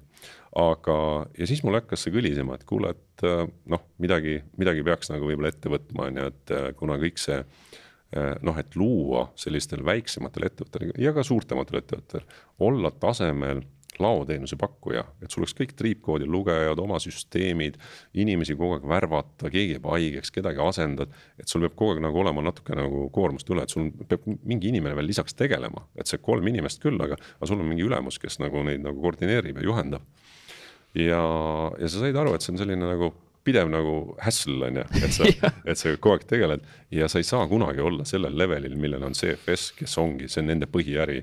Nad koolitavad inimesi, nad käivad ise õpivad, nad teevad enda süsteeme kogu aeg paremaks, efektiivsemaks. ja, ja lisaks veel see väärtus, et, et ega, ega meil ei olnud ju nii, et see kolm inimest on sul äh, sada protsenti kogu aeg koormatud, see on ju, käib piikidena et siis, kui sul tuleb järsku kümme alust sisse, siis kõik karjuvad appi, on ju, et äh, kuidas sa seda ära jõuad teha klient ootab, sest tal on vaja kiiresti kaupa saada, on ju. ja kui nüüd see äh,, need kümme alust välja saadetakse, siis võib-olla kaks päeva haigutavad üldse nagu, et sul ei ole midagi nagu anda mm. -hmm. aga et CFS-i nagu eelis ongi see, et tegelikult temal on sellesama asja peale mitte kolm inimest, on ju. tal on see, et kui me, meie asjadega ei tegele, ta tegeleb teiste ettevõtte asjade pakkimisega. ja kui meil tuleb see kümme alust sisse, ta võtab selle kahe tunniga sisse, kuna ta paneb selle kümme inimest tegelema sellega, on ju et see väärtus oli ja kokkuvõttes oli veel see, et me hoidsime väga palju rahast kokku. me olime üllatunud, me arvasime, see on äkki esimene kuu, aga see jätkus ja jätkub siiamaani et ma arvan, et me vist ei ole isegi selle kaheksa tuhandeni isegi täna jõudnud, arvestades, et see mahud on oluliselt mõni kasvanud. aga, aga põhimõtteliselt kukkus see nelja tuhande peale et kaheksa tuhande kolmesaja pealt nelja tuhande peale ja, ja sa näed, et see koostöö ja kõik see kiirus ja, ja see, et sa isegi ei pea transpordiga tegelema. meil on CFS-il on endal transpordipartnerid nendel käib olulisemalt tihti autot võtmas peale, transport kiirem, odavam, noh, nagu no-brainer nagu, aga see nagu see imidž mul endal oli ka, et no see oma ladu on kuidagi väärtuslik. et ja, ja sealt me läksime tegema Poola ka ja nendes turgudes nii-öelda Poola ja, ja Eesti laos meil ei ole mingeid piiranguid. me võime oma käivet kahe, kolme, kümnekordistada, on ju, ilma et me peaks ise midagi muretsema ja, ja aga Leedus ja Tšehhis on meil ikka oma laod, ja seal näiteks Leedus on juba noh, piirang ees on ju. ja aga, aga minu nagu see juhtimisstiil on olnud pigem see, et ma soovitan, ma annan nõu meestele, aga ma ei taha neist üle sõita. ja ma annan neile aega seda setitada, et täna juba Tšehhi tegeleb selles suunas, et mõtleb ka selle lava peale minna, aga esimene asi neil oli see, et ei, ei, pole võimalik meil on ikka oma ladu vaja, meil on vaja ikka katsuda seda toodet ja käia, ma ütlesin, mine katsu siis seal, seal. CFS-i ladudes. või, või võta enda siis lattu, enda mingi näidisladu või mida iganes, on ju, mida sa soovid, on ju. ja sa ei pea ise käima nagu seda seal katsuma, katsumas seda, patsutamas seda toodet, on ju. et aga, aga Leedu on natuke konservatiivsem, temal läheb natuke aega, aga, aga ma näen, et tal lihtsalt tuleb lagi ette nagu sõna otseses mõttes, et, et, et ladu, ladu ei mahuta rohkem, et siin nad peavad selle valiku tegema ja, ja ta kindlasti näeb seda, et järgmisele pinnale järgmiste tingimustega kolimine on lihtsalt nii retsilt kallis, et tal on tark juba võtta see teenus, et, et juba noh, liiguvad sinna suunas, aga, aga see on kindlasti üks asi, mida ma väga soovitan ettevõtetele kaaluda, ongi see, et, et andke asjad välja, mida te, mille, mis ei ole teie nagu see põhispetsiifika, raamatupidamine. raamatupidamine on kõigis ettevõtetes äh,, riikides äh, kõik sisse ostetud, on ju, et ta küll tundub, et see tunnihind on sul kallis, on ju, aga need inimesed on koolitatud, nad on profid, et äh, et väga vinge ettevõte Eestis on äh, raamatupidamiselt ja suudab teha nii Soomet ja rahvusvaheliselt kaasa aidata. isegi toetavad Poola asju meil kuna, kuna Poola tunnihind on meil hästi kallis seal, et äh, Eestis on äh, Tähelend, on väga hea ettevõte, keda, keda võiks äh, julgelt soovitada ka mm -hmm. inimestele. väga hea soovitus. teha nagu asju vot, et, et see on see kitsas koht, mis võib nagu füüsiliselt nagu piirid ette tulla aga, aga muidu, muidu me suudaksime päris palju rohkem teha veel mm. -hmm. kui nüüd mõni kuulaja, ettevõtja mõtleb, et kas hakata eksportima või mitte, mis see sinu soovitus äh, täna neile on? see on ainuke viis, kui sa oled, äh, kui sa tahad hobiettevõtet teha, müüa siin mingeid hobiasju natukene siin Eestis, siis äh, jah, palun. aga, aga ühel või teisel viisil, kui sa ei ekspordi, kui sa piisavalt ei arene, siis sind neelatakse alla lihtsalt, et tuleb see poolakas ja pakub äh, sinu klientidele märksa parematel tingimustel asju, kuna ta mahud on lihtsalt nii palju suuremad. et äh, see on selline ellujäämisküsimus, kui sul on hobibusiness, sul on oma fännid nii-öelda, need kliendid nagu fännid, kes sul on, loomulikult sa saad teha seda. et Alar Kolk kunagi ütles äh, ütles SEB kasuprogrammis hästi, et, et kui sul on äri aastakäive väiksem kui viis miljonit eurot, on ju, et siis see on hobi et siis te tegelete hobiga, mitte äriga mm. -hmm. et äri hakkab seal viis-kümme miljonit eurot, et siis, siis me räägime ärist juba, on ju. et aga sinnamaani on see hobi, sul on oma fännid, sa saad nendega hästi läbi, nad ostavad sellepärast, et sa meeldid neile, on ju. et äh, siis sa saad seda asja teha, aga kui sa tahad päris äri teha ja suureks kasvada, siis äh, loomulikult sa pead Eestist välja liikuma, Eesti turg on liiga väike. kas on äh, mingid teemad, mis, mida sa tahaksid rääkida, mida me ei rääkinud ja mida ma oleks pidanud küsima, aga ma ei küsinud praegu? Jah, eks me oleme pikalt rääkinud praegu, et neid. väga hea vestlus on olnud. teemasid on äh, palju olnud, et eks ma tulistan neid äh, jah, et äh, ma arvan, et kui kohe meelde ei tule, järelikult ei olnud midagi sellist, mis oluline on, et, et jah. ma lihtsalt võib-olla omalt poolt ütlen, et väga äge podcast on, mida sa teed ma ütlesin sulle ka, et ma olen kõik läbi kuulanud, väga praktilised nagu näited on ja, ja et et, et kindlasti tee edasi seda, pane, pane samas vaimus edasi. ja Elexapi koha pealt äh, võib-olla lihtsalt kutsun inimesi üles, et äh, kellel on tööstusvaldkonna ettevõte, et kui sa müüd äh, kaupa tööstusvaldkonna ettevõtetele, võtta ühendust meiega. et meil on endal Directo ja Erpli täisliidestus olemas juba peal, väga lihtne onboard ida, saada kliendid peale, et et noh, me lahendamegi seal nagu seda suuremat pilti, et mitte ainult nagu seda webshopi, vaid ka, vaid ka sellist lahendust, et mida sa oma webshopiga ei suuda lahendada, näiteks see, et äh, täna, kui äh, minu tarnija kasutab Elexapi, siis minul on oma kliendile võimalik näidata ka tema laoseisu. ja ma ei pea ütlema selle, et see on näiteks see tarnija X on ju, vaid äh, ma ütlen, et see on minu ladu näiteks Vilniuses ma ise nimetan seda, kuidas ma tahan mm -hmm. ja mõtle, kui suur aja kokkuhoid see on. et kui täna on see, et näiteks minul on laos mingit toodet viis tükki, minu klient tuleb peale, vaatab, tal on sada vaja, mis nüüd juhtub, nüüd ta küsib, kuule, millal saab järgmise nagu äh, üheksakümmend viis juurde, on ju. ta peab minema nüüd, äh, siis minu inimene peab nüüd siis minema näiteks sellesama tarnija kas veebilahendusse või üldse kirja saatma, küsima, et kuule, palju sul laos on, on ju ja siis tuleme tagasi, kirjutame ja, et äh, vaata, tarnijal on meil seal kaks tuhat tükki olemas, et saab ikka. et mingi pingpong, mida ei ole mm -hmm. vaja, mhm. siis meie lahenduses on see, et seesama, see Alexapi kasutav tarnija jagab oma ladu enda edasimüüjaga, edasimüüja äh, ehk näiteks mina oma kliendile näitan mõlemaid ladu, klient tahab sada tükki saada, vaatab, ahah, Moreki ühes laos on viis tükki teises laos on kaks tuhat tükki, selge, panen tellimuse ära, saan kätte, on ju. et, et see on see mõte, vaata nagu, et, et selles nagu ahela, üle ahela lahenduses tegelikult leida neid äh, shortcut'e, kuidas teha seda automaatsemaks, loogilisemaks, et ei pea olema seda samat asja, see info, meil on nagu info olemas, meil on info saartena, nagu erinevad saared on, igaüks on oma saar. et siis me ühendame need ära omavahel mm -hmm. ja paneme info loogi-, loogiliselt liikuma jah, ja täpselt et, nagu sa ütlesid, et see kommunikatsioon on väga oluline. jah, jah, jah, et ja, ja ma arvan, et väga paljudel võib jääda äri selle taha, et, et nad ei ole piisavalt nähtavad, et ja ei olda harjutud vaatama. et meil endal on väga selge kogemus sellega, et kus klient on hakanud iseseisvalt tellima mingit kaupa et me oleme lihtsalt hinnakirja tal nagu lahti teinud äh, ja vaatame, et järsku tellib seda juurde ja seda juurde. ja, ja see loogika ongi see, et, et kui tal juba silm harjub selle süsteemiga, siis ta vaatab, aa, kuule, sa pakud seda ka, on ju. ja meil on hästi palju olnud selliseid, et nad ise võtavad üles, kuule, ma ei teadnudki, et sa seda pakud. siis müügimees ütleb, kuule, come on, kaks nädalat tagasi käisin, rääkisin talle, ütlesin, vaata seda ka, on ju.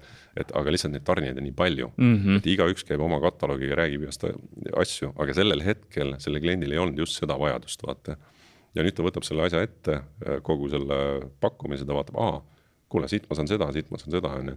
ja kui ta lõpuks teab, et see Alexap on see koht, kus ta oma tooteid leiab lihtsasti, noh, siis ta hakkab seda kasutama, on ju, et, äh, et see on lõpuks nagu Google tema jaoks, on ju, et ta teab mm, -hmm. et ta saab sealt alati selle tõe kätte, on ju. et äh, kõik valik on olemas.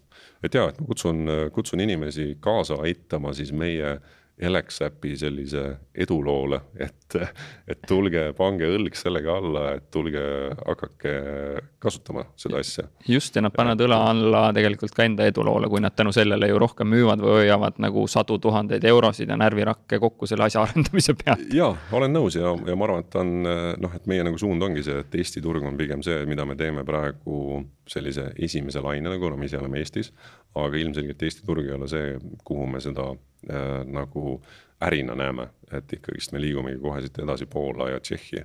ja et selles mõttes on Eesti inimesed priviligeeritud seisus, et me oleme need liidestused nendele ERP-idele ära teinud ja, ja ootame neid nagu liituma, et nad saavad väga vingele äh, lahendusele sellise odava, odava ligipääsu nii-öelda mm, -hmm. et jah. Indrek, aga suured-suured tänud, et sa podcast'i tulid ja ma soovin äh, Morekile ja Alexapile kõrget lendu.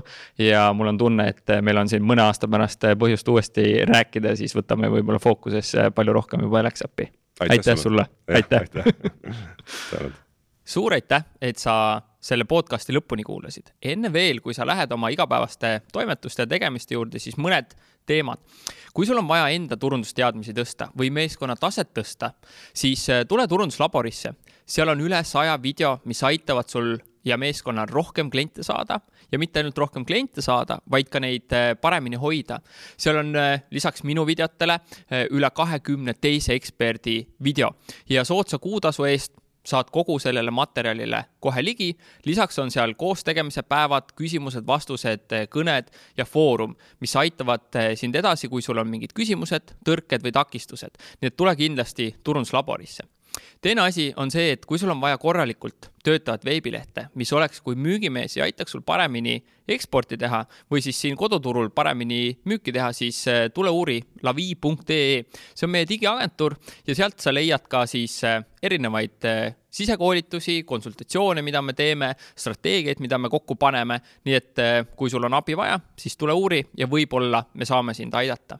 ja kolmandaks, kui sul on vaja kvaliteetset podcast'i teha, veebiseminari läbi viia või enda lehele äh, tõesti hästi tehtud videoid salvestada, siis äh, uuri Maraton Stuudiose kodulehelt, kuidas nemad saavad sind aidata. maratonstudios.ee ja samamoodi äh, on nemad kogu turunduslabori loomise taga, kogu sellesama podcast'i on nad aidanud mul luua ja koos me tegime ka Eesti kõige suuremad online turundusüritused, eh, kaksteist tundi turundust ja kaksteist tundi turundust e-kaubandus. nii et uuri kindlasti ka nende veebilehte ja ma usun, et nad saavad sind samamoodi aidata, nagu nad on aidanud mind